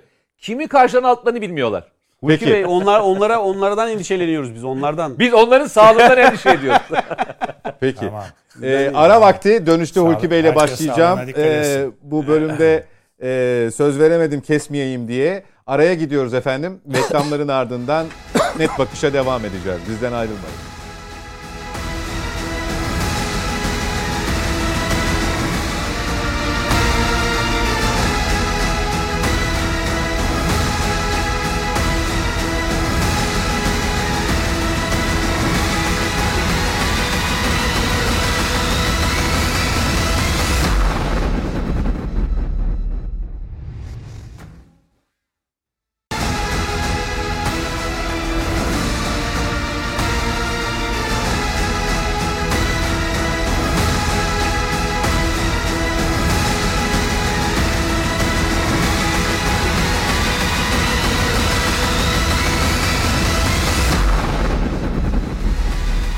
Yeniden birlikteyiz efendim. Net Bakış'a devam ediyoruz. Mete Yarar, Hulki Cevizoğlu, Mücahit Birinci ve Sencer İmer'le birlikte Kanal İstanbul ve Montreux başlığını açmıştık. Bu başlık üzerinde ilerlemeye devam ediyoruz. Hulki Bey'deyiz yeniden Ankara stüdyoya dönüyoruz. Sayın Cevizoğlu e, bir ifadeniz var. Bu e, Buyurun ben Kanal İstanbul'a evet diyen bir Atatürkçüyüm e, dedikten sonra şunu söylüyorsunuz. Kanal İstanbul'u keşke daha mutedil, daha sakin, mantıklı bir şekilde tartışabilsek, anlatabilsek belki e, şu an bulunduğumuz noktada olmayacağız. Siz şimdi bu çıkışla bugün çokça konuşuldunuz, 2-3 gündür konuşuluyorsunuz. Bir müddet daha belki e, tartışma sürecek ama e, Kanal İstanbul projesi ilk telaffuz edildiğinde bir Vallahi proje... Serhat Bey bir şey söyleyeyim. Serhat Bey Buyurunuz. sizin formatı tam bilmediğim için böyle sırayla mı konuşuluyor? Arada giriliyor mu bilmiyorum ama Giriliyor. Giriliyor giriliyor Giriliyor sohbet yani. ortamında bizimki. Mil- Öyle Tamam. sırası gelen e, Tamam, esasımız yok harika. çok. M- m- Tamam. Millet tartışmak istiyorsa bende tartışmaya yol açacak Atatürk'ün öyle belgesel açıklamaları var ki bunların hepsini kitaplarıma yazdım. Ee, bir buçuk milyondan fazla sattı kitaplarım. Ama alan arkadaşlara, okuyanlara teşekkür ediyorum, kitap okuyucularına. Ama bir kısım, bir kesim, kitap alanların bir kesimi içini okumamış demek ki. Okusalar o kitapta ben hangi belgeleri, neleri yazdım, neleri. Atatürk'ün bugün bazı Atatürkçü geçinenlerin, Mete Yarar dedi ya İlhan Selçuk'tan gardırop Atatürkçüleri kavramını alıntıladı. Gardırop Atatürkçüsü, rozet ya da heykel Atatürkçüsü olarak geçinenlerin ya da siyasal parti Atatürkçüsü, bakın bu da yeni bir şeydir. Yalnızca siyasal parti Atatürkçüsü olanların, şablon Atatürkçülerinin e, işlerine gelmeyen açıklamalar var. Atatürk'ün bugün çok tartışılan, şu anda biraz sönümlendi ama vaktiyle çok tartışılan kuvvetler ayrılığı, kuvvetler birliği konusunda söylediği öyle ağır sözler var ki efendim diyor yani bunun bir tanesi sadece onlarcası var benim kitaplarımda. Bugün sözde Atatürkçülerin anlamadığı, kabul etmediği, onlara ters gelen çünkü kafalarında bir kalıp oluşturmuşlar. O kalıpları yıkan şeyler. Atatürk diyor ya ben size dogmalar getirmiyorum. Ama bazı Atatürkçüler kendi dogmaları içinde, kesin yargıları içinde mahvolup gidiyorlar. Artık gözlerini açmalarının zamanı gelmedi mi diye soruyorum ben. Şimdi e, kuvvetler ayrılığı ve kuvvetler birliği konusunda diyor ki efendim diyor tabii ki kuvvetler birliği olacaktır. Kuvvetler ayrılığı ne demektir diyor. Zayıf milletlerin çıkardığı e, bir kavram kullanıyor orada. Zayıf milletlerin çıkardığı bir uygulamadır diyor. Beceriksizliktir diyor. Yani Atatürk başından itibaren kendisi de uyguladığı gibi kuvvetler birliğini savunmuştur. Bugün Türkiye'de kuvvetler Erdoğan kuvvetleri kendisinde topladı. Başkanlık sistemi oldu diye karşı çıkanların karşı çıkma nedeni aslında biz olamadık Erdoğan kuvvetleri topladı. Biz olamadık o cumhurbaşkanı oldu kaygısıdır. Yoksa Atatürk'e dönüp bakarlarsa Atatürk sonuna kadar kuvvetler e, şurada benim kitabım yanımda az sonra bakarım. Çok söyleyecek lafım var da herkese zaman kalsın diye az konuşuyorum. Biliyorum hocam. Ee, Hakkımı alabilirsiniz. Kuvvetler Birliği'ni kuvvetle savunan birisidir Atatürk. Bugün Atatürkçülere bunu kabul ettiremezsiniz. Şimdi buradan sözlerini bulup e, onu söyleyeceğim. Peki bir şey Ee, bir sorabilir de miyim Hulki Bey? Hani bu eleştiri yapma e, duymuyorum. Bir şey sorabilir miyim size? Bu konu Bir daha söyler özelinde. misiniz? Buyurun buyurun. Bu konu özelinde. Buyurun. Ee, bir, siz e, Kanal İstanbul projesi ilk ortaya çıktığında böyle bir projeden hatta asrın projesi olarak e, tanıtılmıştı. Dev bir proje olarak tanıtılmıştı. İncelediğinizde Ben taslakları- korkunç bir proje diye yazmıştım. evet e, o zaman da e, desteklenmesi gerektiğini düşünüyor mu düşünüyor muydunuz? E, mesela karşı çıktınız mı ilk etapta Hayır. duyduğunuzda? O zaman o zaman tam tersini yazmıştım. Büyük Orta Doğu projesinden bile daha tehlikeli bir proje diye yazmıştım o zaman Yeni Çağ gazetesinde. Evet. Şimdi Neden şimdi böyle? böyle düşünüyorum. Ne değişti? Ara, evet, e, onu onu söyleyeceğim. Arada bir çelişki var mı? Hulki Cevizoğlu değişti mi, dönüştü mü sözleri boş sözler. Şöyle, o zaman topluma Kanal İstanbul'un anlatıldığı şekliyle bugün geldiğimiz nokta arasında fark var. O zaman iktidarın Amerika ile Amerika ile olan diplomatik ilişkileri, siyasal ilişkileriyle bugün geldiğimiz nokta arasında çok fark var. Bugün e, hükümet Amerika ile de mücadele eder hale geldi. Kanal İstanbul ilk açıklandığı zaman bilgiler tam ortaya çıkmadığı için o zaman o zaman yazdığımın da arkasındayım. Bugün söylediklerimin ve az sonra söyleyeceklerimin de arkasındayım. Arada hiçbir çelişki yok. Anlamadan bakarsak olaya her şeyi çelişki görebiliriz. Şimdi o zaman şunu düşünüyorduk ve kamuoyunda açıklanmamıştı. Efendim Kanal İstanbul yapılacak. Amerika burayı kontrol edecek. İşte Arapları da buna alet ediyor. Araplar bugün de söyleniyor ama Hulki Bey. Onların projesi Amerika'nın olacak. istediği bir Efendim? proje, Montreux dayatması da o yüzden falan deniyor. Bugün de söyleniyor, dile getiriliyor. Ama bugün hükümetin tavrı farklı. Geldiğimiz nokta farklı. Eğer yarın hükümet yine evet biz bunu Amerika'ya devredeceğiz, o işletecek, hakları ona ait derse ona da karşı çıkarım. Benim bugün savunduğum şu, e, egemen bir ülke olarak Türkiye'nin Atatürk'ün tam bağımsızlık ifadesinde e, sözünde ifade edildiği gibi tam bağımsız bir ülkeye kimse akıl vermemeli. Ne muhalefet partisi, ne filanca parti, ne filanca akademisyen, ne filanca dış güçler, ne filanca ülke akıl ver veremez. Ben bu tam bağımsızlığı savunuyorum. Kanal İstanbul'u yapın, Kanal Ankara'yı yapın, Kanal İzmir'i yapın, başka projeler yapın, Ay'a gitme projesi yapın. Ay'a gitme projesine aslında dalga geçenler oldu ya hani eski bir bakanla efendim biz Erdoğan Ay'a işte e, otoyol düzenleyeceğiz, yapacağız dese ona inanacak insanlar vardır deniyordu. Kardeşim onu eleştirebilirsiniz de şunu söylemeniz gerekir. Hayatta en hakiki mürşit, yol gösterici, ilimdir, fendir diyen Atatürk'ün yolundan gidiyorsanız Ay'a gitme, Mars'a gitme projelerini sizin söylemeniz, sizin geliştirmeniz gerekmiyor mu? Sizin partinizde anayasal olarak ana muhalefet partisi görevini yapıyorsunuz. Ey CHP, sizin partinizdeki danışman profesörleriniz bu uzay projelerini geliştirmeli ve toplumla paylaşmalı değil mi?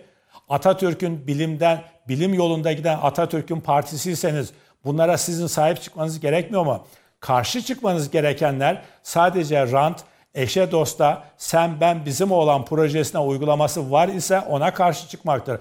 Ama projelere, ülkenin geleceğine sahip çıkacaksınız. Şimdi birinci Boğaz Köprüsü yapılırken bizim yaşımız müsait hatırlıyoruz. Yani şimdi 15 Temmuz Köprüsü, Boğaziçi Köprüsü, bir adıyla da Atatürk Köprüsü'ydü. O zaman da ne tepkiler vardı, ne büyük tepkiler vardı Boğaz Köprüsü'nü yaptırmamak için. Sonra Özal zamanında köprünün gelirlerini satma zamanında köprüyü satarım sattırmam Necdet Sıcal neler söylendi? E şimdi unutuldu. Türkiye'de bir kültürel gecikme olgusu var.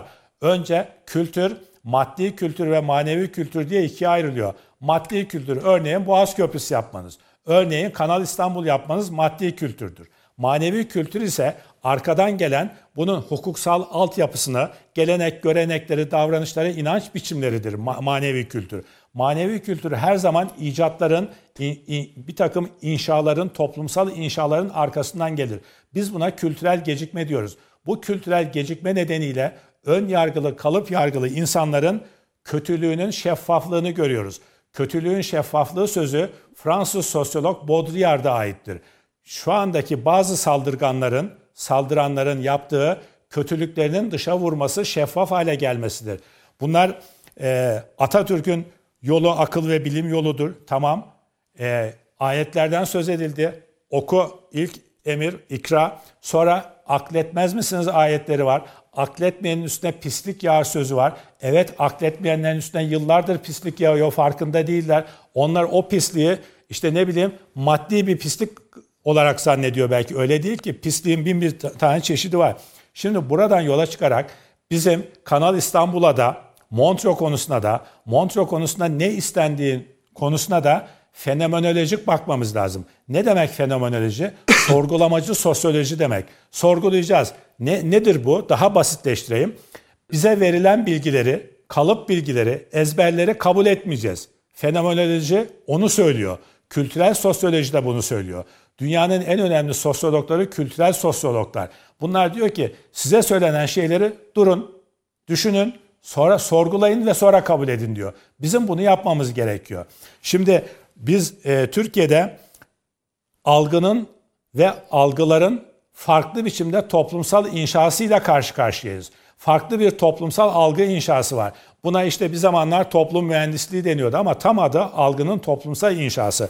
Şimdi şunu şöyle bakalım olaya. Bir insan çıkıyor, adam akademisyen sabahlara kadar okuyor. E, kaç tane akademik çalışma yapmış? 52 tane kitap yazmış bir adam. 1100 tane program yapmış bir adam. Diyor ki şu şudur. Ben böyle düşünüyorum. Söylediklerimin tümüyle arkasındayım. Doğru olduğunu kanıtlarıyla, belgeleriyle savunuyorum. Ama velev ki yanlış bir şey söyledim. Ya benim düşünce özgürlüğüm yok mu? Böyle bir Atatürkçülük olabilir mi? Herkesin sözü doğru mudur? Ayrıca felsefede tek doğru diye bir şey yoktur. Sosyolojide de yoktur. E, felsefi antropolojide de yoktur. Çoklu gerçekliklerden söz eder bilim. Sizin gerçeğiniz ile bizim bakış açımız farklı olabilir. Yani yanlış bile olsa söyleme hakkımız yok mu bizim? Nedir bu Jacobenizm? Baskıcılık, Engizisyon tavrı. bir takım cahil insanların kendi cehaletlerini gizleyebilmek için saldırganlıklarını ben size bir örnek vereyim. Hepimiz yapmışızdır, yapıyoruz. Sinirlendiğimiz zaman otomobilden çıkınca kapısını çarpıyoruz değil mi? Evde ergenlik zamanımızda evdeki odanın kapısını çarpıyorduk. İnsanlar psikolojik olarak bu kapıyı niye çarpar? Düşündünüz mü hiç Serhat Bey? Niye çarparız biz kapıyı? Kapı bize bir şey yapmadı ki. Kapıdan alıyoruz hıncımızı işte. Ergenken annemize babamıza kızıp kapıyı çarpıyorduk. E şimdi e, bir olaya kızıyoruz. Otomobildeyken çıkarken kapıyı çarpıyoruz. Niye bunun psikolojisini hiç düşündünüz mü? Hıncımızı oradan alıyoruz. Karşı tarafa bunu yapamayacağımızı Evet. düşündüğümüz için. Bilim diyor ki evet aynen psikoloji diyor ki insanın e, kendisini cezalandıramamasından dolayı nesneleri cezalandırmasıdır. Kapıyı çarpıyoruz. Ama insan öyle menfaatçi ki mesela pencereyi çarpmıyor. Pencereyi de çarpıp ses çıkarabiliriz. Hayır orada bencil düşünüyor. Diyor ki cam kırılabilir yaralanabilirim. Kapıyı çarptığı zaman kapı size çarpmıyor. Bir şey olmuyor. Yani o kadar hesaplı kitaplı bir tepki gösteriyor ki insanoğlu. Şimdi bu Kanal İstanbul konusundaki açıklamalar dediğim gibi kötülüğün şef, e, şeffaflığı ve de bir yerde de şu.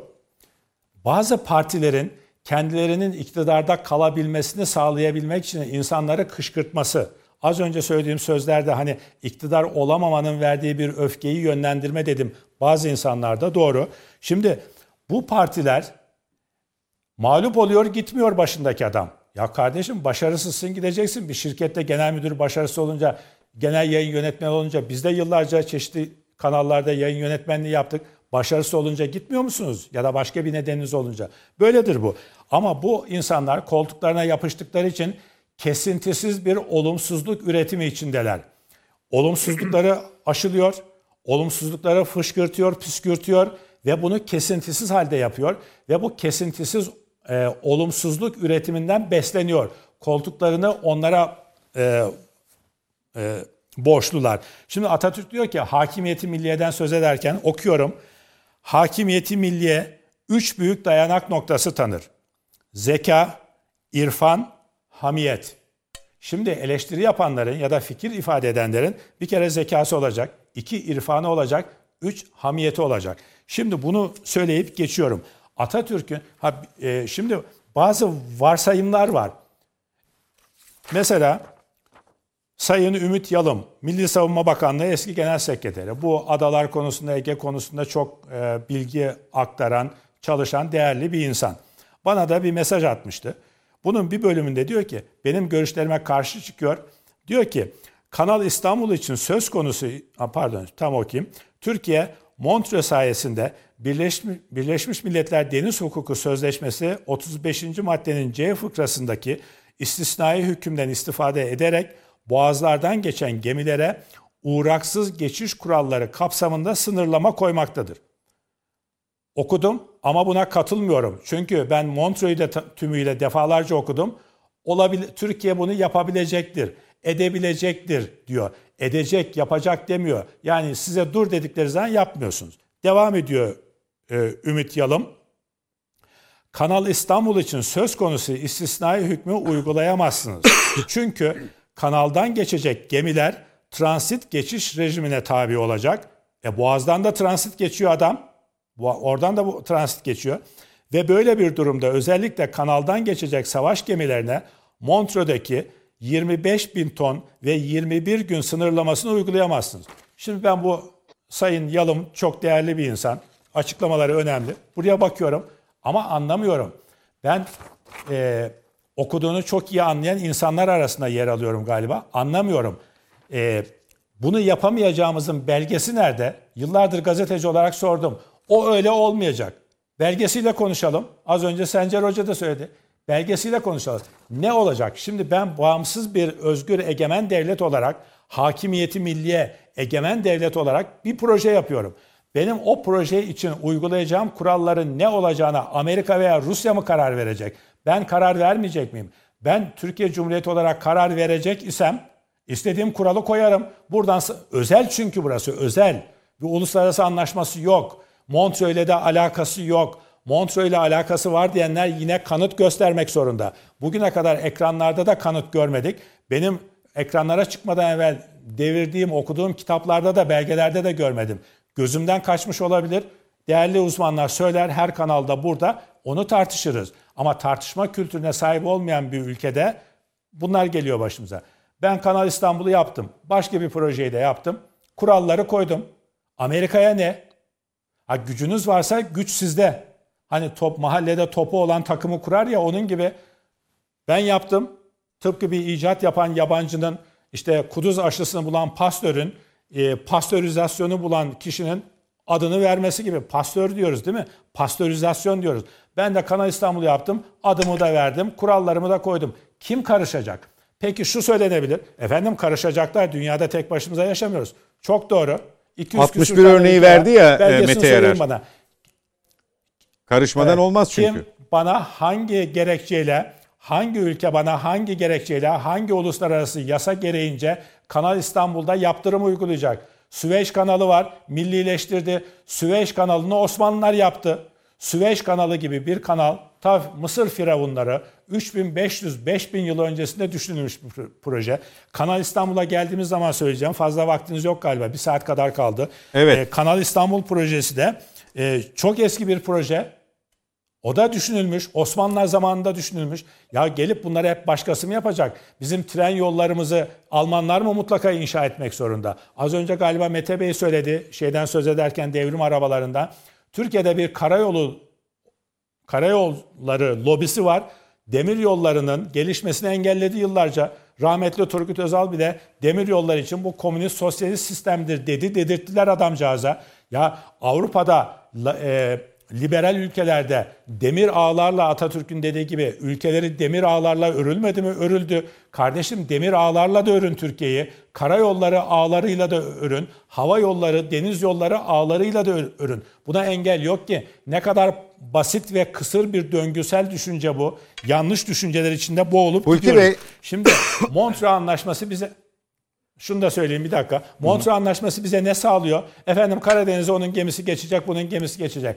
Bize ne Karadeniz'e onun bunun gemisinin geçmesinden?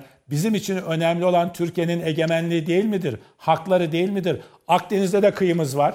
Akdeniz'de de bütün gemiler cirit atıyor. Amerika'nın e, uçak gemisi cirit atıyor. Fransa'nın uçak gemisi bilmem ne gemisi bizim doğal gaz aradığımız yere kadar geliyor sonra çekiliyor gidiyor.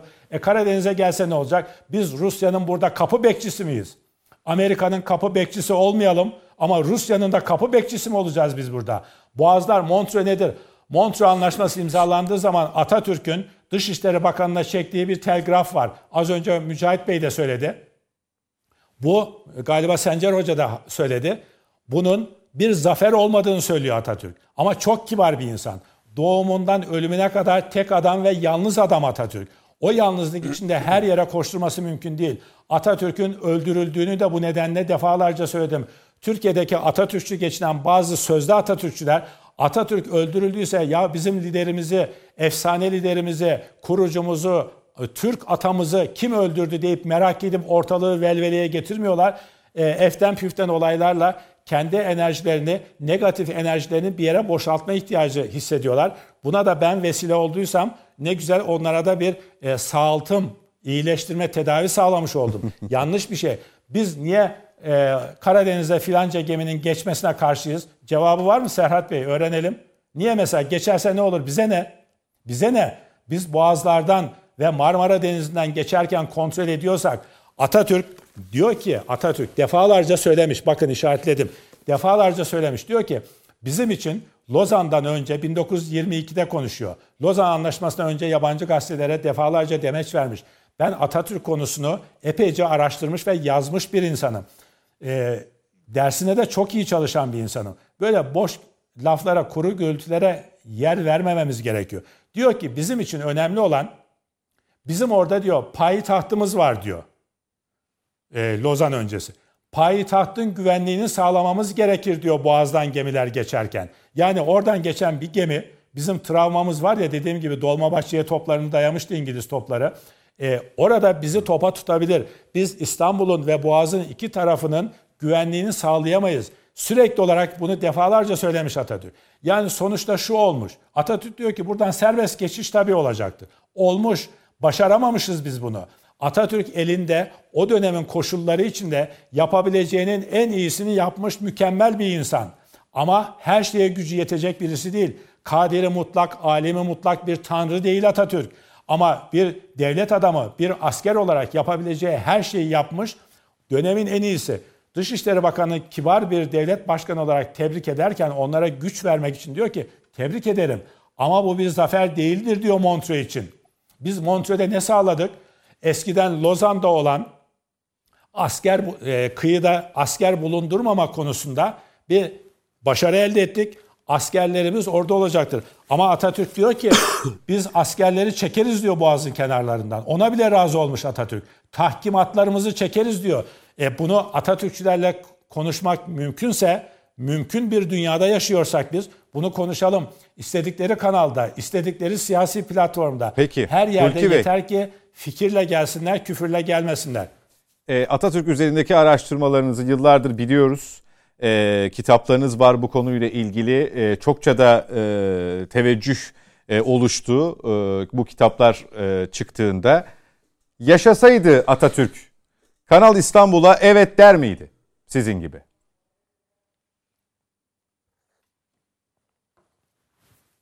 Gazetecilik sorusu değil mi bu? Ya aklıma geldi sordum. Manşetlik bir soru yani. Ne güzel. Ee, her zaman ben akıllı insanları ve çalışkan insanları çok sevmişimdir. Hatta neredeyse kutsamışımdır. Çalışkan insanların benim gözümde inanılmaz yeri vardır. Hayat boyunca tembel insanlardan hiç hoşlanmadım ben. Siyasette tembellikle kıyıdan köşeden gelip makam elde edenleri, bazen cumhurbaşkanlığı elde edenleri mesela hiç uğraşmadan Abdullah Gül örneğini veriyorum falan. Şimdi çalışkan insanları severim. Ama sizin sorunuz bana şunu hatırlattı. Rahmetli Erbakan'ın bir sözü vardı ya, Atatürk yaşasaydı e, Refah Partisi'ne üye olurdu gibi. O geldi aklıma. Şöyle, Atatürk Kanal İstanbul'a evet der miydi demez miydi bilmiyoruz ama muasır medeniyetleri savunan Türkiye çağdaş bir ülke olmalıdır diyen bir insanın her türlü Türkiye'nin lehine olan projeyi destekleyeceğine yüzde yüz eminim. Zaten öyle olmasaydı Atatürk olmazdı. Atatürk bunu incelerdi. İçinde bir menfaat var mı? Rant var mı? Özel çıkarlar var mı? Ona bakardı. Bunları bertaraf ederek bu projeyi ve benzer projeleri yapabilirdi. Atatürk'ün müthiş projeleri de var. Cumhuriyet Köyü projesi var. Da, e, köy enstitüleri projeleri vardı. Bakın hepsini bunlar komünist damgası yedirerek komünizmle bunları yok etmeye çalıştılar. Bunları konuşamıyoruz bile. Peki teşekkür ediyorum. Sencer hocamla devam edeceğim. Onun Kanal İstanbul'a giriş kısmı e, ilk sorunun e, saptaması uzun sürdüğü, geniş bir per- perspektif ortaya koyduğu için gecikmişti. Oradan devam edelim. Hulki Bey aslında çok güzel bir noktaya getirdi. Buyurunuz hocam. Efendim e, ben e, şöyle söyleyeyim. Türkiye'nin şu andaki önceliği İstanbul, Kanal İstanbul mudur?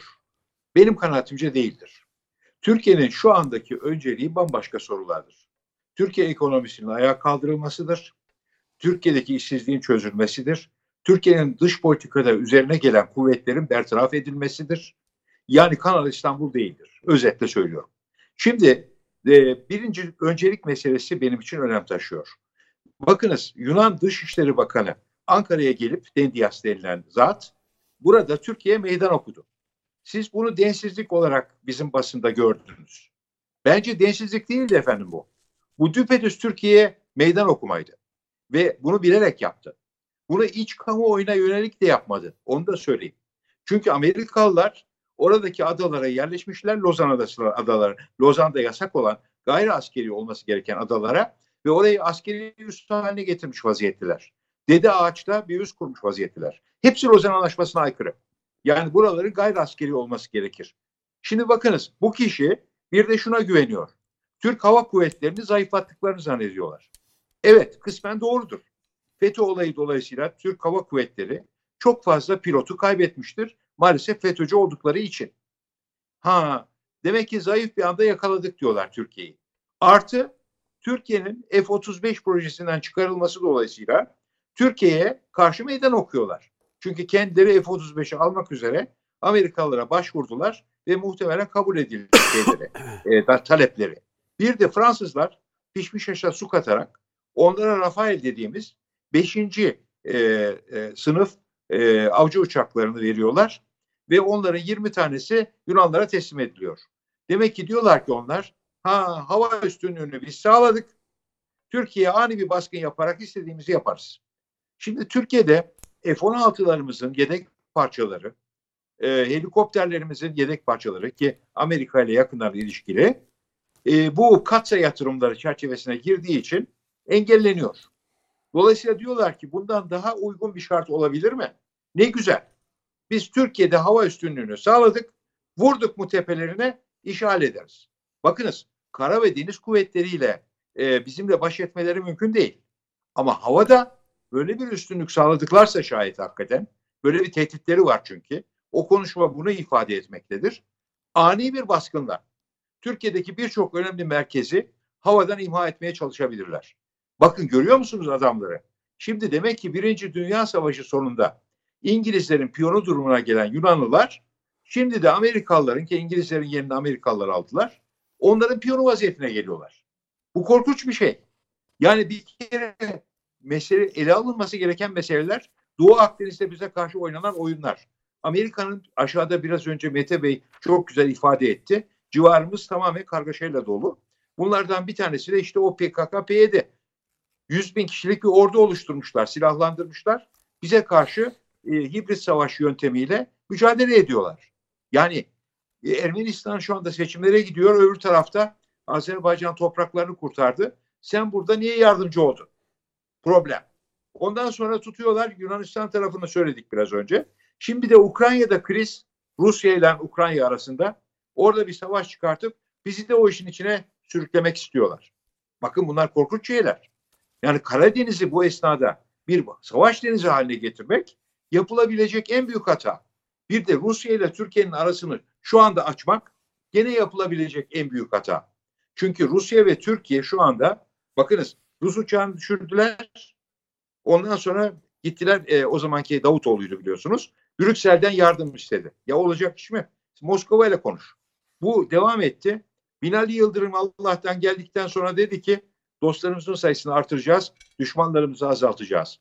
Ve Tayyip Erdoğan Cumhurbaşkanı olarak da e, Putin'e bir mektup gönderdi. Münasebet tam düzeldi derken 15 Temmuz'u yaptılar. Bu FETÖ'cü takım. Arkasından bu yetmedi. Rus Büyükelçisini öldürdüler. Yine aynı adamlar. Şimdi bakın eğri oturup doğru konuşmak lazım. Demek ki Türkiye üzerinde birileri bir oyun oynuyor. Rusya ile Türkiye'yi karşı karşıya getirmeye çalışıyor. Çok açık. Dolayısıyla böyle bir şey olduğu zaman oradan turist gelmeyecek buraya. Bizim için gelen en önemli turist grubunun geldiği Almanya ve Rusya'dır ağırlıklı olarak. Doğal gazımızı oradan alıyoruz. Başka kaynaklarımız da var ama Mavi Akım projesiyle alıyoruz biliyorsunuz. Artı Türk akımı projesi gerçekleştirilmiş.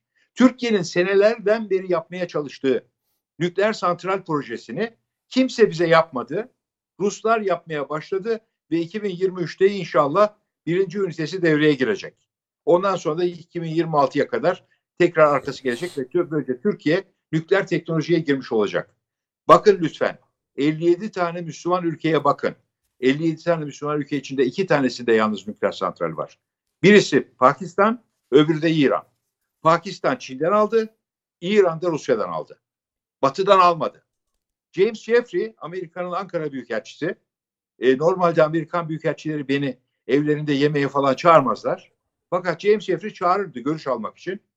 E, ve e, çağırdığı bir güçlü soruyu sordu. Yemekten önce ayaktayız. Dedi ki ya sizin adamlar dedi 2010 olabilir. Sizin adamlar dedi bu nükleer santrali dedi Ruslara vermişler dedi. Allah Allah dedim. Burada niye şaşıyorsunuz dedim. Niye bize vermediler dedi. Peki dedim ben şöyle bir şey sorayım dedim. Türkiye'de bir ses sanatçısı var dedim. Güneydoğu Anadolu'dan dedim. Bu diyor ki dedim. Türkiye'de Oxford vardı da gitmedik mi diyor dedim. Ben de size diyorum ki dedim. Siz yaptığınızda biz hayır mı dedik dedim. Güney Kore'ye yaptınız. Japonya'ya yaptınız. Tayvan'a yaptınız. Her yere bu teknolojiyi verdiniz tamam mı dedim. Bize vermediniz. Niye? Çünkü Müslümanlar kötü çocuk öyle mi dedim. Şimdi dedim pişmiş aşağı su katacaksınız. Biz Rusya ile anlaşmışız bunu bozduracaksınız öyle mi dedim. Buyurun dedim. İkinci santralde siz yapın dedim. Sustu. Gerçek buydu çünkü. Şimdi bakın Amerika hala Türkiye diyor ki o santrali iptal et. Avrupa Birliği raporlarına bakıyoruz. Hepsi Türkiye egemen devlet değil mi Türkiye? Diyor ki efendim Rusya'da yaptığınız o nükleer anlaşmayı iptal edin. Neyi? Türk akımını iptal edin. Rusya ile soğuk münasebetlere girin. Bunları söyleyen bu adamlar. E peki S-400'ü Türkiye kim verdi? Onlar verdi. Niye Amerikalılar vermedi? Aynı şekilde. Şimdi bakın. Demek ki eğri oturup doğru konuşmak lazım. Türkiye-Rusya işbirliği esasen her iki taraf için de fayda ifade ediyor. Ve son Ukrayna Başkanı'nın devlet ziyaretinde de Cumhurbaşkanı Erdoğan burada doğru bir ifade kullanarak, çok doğru bir ifade kullanarak Rusya ile Ukrayna arasındaki Minsk anlaşması çerçevesinde barış içerisinde olayın çözülmesinden yanayız dedi. Gayet tabii Ukrayna'nın toprak bütünlüğünden yanayız. Kırım'ın ilhakını kabul etmiyoruz. Zaten kabul edemeyiz. Çünkü edersek o zaman uluslararası anlaşmalardaki ilkeye aykırı hareket Aykırı. etmiş oluruz. Değil mi? O Peki. zaman bize de birisi gelir, bizim Güneydoğu Anadolu bölgesini veya bir yeri koparır, e, referandum yaptık, e biz buraya geldik. Hayır efendim, öyle bir şey olmaz. Türkiye ilkesel duruşunu ortaya koyuyor, doğru yapıyor ama Rusya da bunu kabul ediyor. Bakın bu şartlar içerisinde Türkiye-Rusya işbirliği var ve bir Astana süreci var. Değil mi? Demek Evet. ki o zaman bizim yapmamız gereken şey şu anda bir an önce Rusya ile olan bozulmak istenilen bu münasebetleri rayına oturtmaktır. Bakın bu çok önemli. Burada Nursultan Nazarbayev çok doğru bir girişim yapmıştır. Bakın bundan iki hafta önce Türk Keneşi denilen, Türk Konseyi denilen bir topluluk var. Bunun içinde Türkiye var, Kazakistan, Özbekistan, e, Kırgızistan, Azerbaycan var. Bir de ek olarak Türkmenistan ve Macaristan gözlemci üye olarak bulunuyorlar. Sonbaharda gerçek toplantı olacak başkan zirvesi. Olağanüstü bir toplantı yaptırdılar. Bakın Na- Nazarbayev'in teşvikiyle oldu bu iş. Kazakistan'ın. Bizim Cumhurbaşkanı da katıldı buna. Çevrim içi bir toplantıydı. Yani online bir toplantıydı. Bu toplantıda Nazarbayev'in yaptığı çok önemli bir konuşma var. Birçok şey söyledi de söylediği en önemli şey şu. Diyor ki dünya barışı tehdit tehlikededir. Bu barışı e, temin etmek için Türk devletleri topluluğu bir girişim, barış girişimi yapmalıdır. Ve burada Moskova, Washington, Brüksel ve Pekin bir araya getirilmelidir. Ben altını çiziyorum. Çok doğru. Bizim Cumhurbaşkanı da buna katılmıştır bu toplantıya. Peki. Demek ki dünya olağanüstü bir durumdadır şu anda. Bizim önceliklerimiz farklı şeylerdir. Ben bunun altını çizmek için bunu söylüyorum. Peki. Yani başka işlerle Türkiye'nin gündemini şu anda meşgul etmenin bir alemi yoktur. Ben bunu söylemek istiyorum. En önemli şeylerden bir tanesi bu. Peki. Bakın yine bir giriş oldu ama ben olaya yavaş yavaş başka türlü yaklaşıyorum gördüğünüz gibi. Evet. Bir şey o, daha o, o yaklaşımı sergilerken programı tamamlamış olacağız hocam. Hayır bir şey daha söyleyeceğim. Çok kısa Bakın, lütfen, bir çok şey. kısa Bu lütfen. Bakın çok önemli bir şey bu. Karadeniz bir barış denizidir. Hulki Cevizioğlu'na cevaben söylüyorum. 80 ve 86 seneden beri barış denizi olabilmişse Almanlar buraya girip 2. Dünya Savaşı'nı taşıyamamışsa Amerikalılar, Fransızlar, İngilizler taşıyamamışsa Montreux sayesindedir. Onu da söyleyeyim. Türk egemenliğinin kullanılmasıyladır. Bu bir. İkincisine geliyorum. Cevap İkincisi. Karadeniz, bakın Karadeniz aynı zamanda barış denizi olarak bölge ülkelerinin kalkınmasına yardım etmektedir. Orta Asya'nın, Orta Asya ülkelerinin e, açık denizlere açıldığı yerdir. Dolayısıyla boğazların böyle bir önemi vardır. Bunu da söylemiş olayım. Ve bir şey daha söyleyeceğim. Mayıs ayında çok önemli bir proje gerçekleşiyor. Kimse konuşmuyor bunu. Bu proje Filios projesidir. Filios'ta 25 milyon tonluk bir liman bitirildi ve açılıyor. Bu proje bizim özel zamanında düşündüğümüz bir projeydi. Gerçekleştiremedik, bitiremedik. Ama şu anda bitti bu. Peki. Mayıs ayında açılıyor. Bu 25 milyon tonluk, bu gene Cevizoğlu'na cevaben söylüyorum. Bu 25 milyon tonluk deniz Ankara'yı ve İç Anadolu'yu Karadeniz'e açmaktadır. Demir Peki. bağlantısıyla. Ve bu Filios projesi aynı zamanda Mersin'le hızlı demir yoluyla bağlanarak kuzey-güney ekseni etrafında boğazlara uğramadan e, konteyner trafiği ve mal trafiğini sağlayacak hem kuzey-güney hem iç e, Kafkaslar ve hem de Balkanları birleştiren fevkalade önemli bir projedir. Gördüğünüz gibi yalnızca bu Kanal İstanbul yok. Filios Mersin projesi bana kalırsa çok daha önemli bir projedir. Ve bu proje İç Onları da Anadolu'yu yapalım ve canım. Türk- Onları da yapalım. Türkiye'yi Onlar Türkiye'yi denize açmaktadır. Dikkat. Demek ki suyu buraya getirmenize gerek kalmadan demir yollarını da kullanmak suretiyle bunu yapıyorsunuz ve Filios çayını 50 kilometre içeriye taşıyarak etrafında büyük bir sanayi bölgesi oluşuyor. Peki. Bunların hepsi gerçek. Peki Bunlar hayal falan Sencer Hocam teşekkür ediyorum. Ee, süreyi aşıyorum bu bölüm için. Hulki Bey Ben size cevap verecek herhalde ama e, çok kısa rica edebilir miyim? Başlıklar halinde e, diğer İstanbul'daki Tabii, konuklarımın tabii. hakkına girdim. Hocam, ben bu sefer sen- biz şeyiz ya. Tabii. Sabitiz. Verelim hakkımızı. Hayır hayır e, olmaz öyle şey. E, Hulki Bey buyurunuz. Sencer Hoca programın başında bunun bu programın bir münazara programı olmaması gerektiğini söyledi ama şimdi münazaraya girmiş oldu. E, olabilir, doğrudur. Sizin hatırlattığınız gibi burası bir akademi salonu değil. Aka- ve, e, e, akademilerde, üniversitelerde bile münazaralar var. Ayrıca bilim konusunda ben size bir şey söyleyeyim. Herkes biliyordur ama tekrarda fayda var. Bilim mutlaka kesin bilgi demek değil ki. Bilimin özelliği ve güzelliği de orada zaten.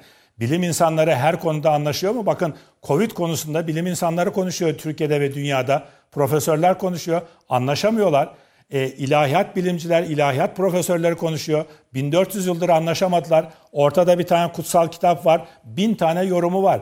Yani e, fen bilimlerinde de böyle. Sosyal bilimlerde daha fazla. Münazara tabii olacaktır. Üniversitelerdeki kabul edilen bazı tezlerin, bilgilerin en doğru tezler, bilgiler olduğunu mu varsayıyoruz? Hayır. O görüştekiler onu kabul ediyor. Tercihe geliyor sonuçlar.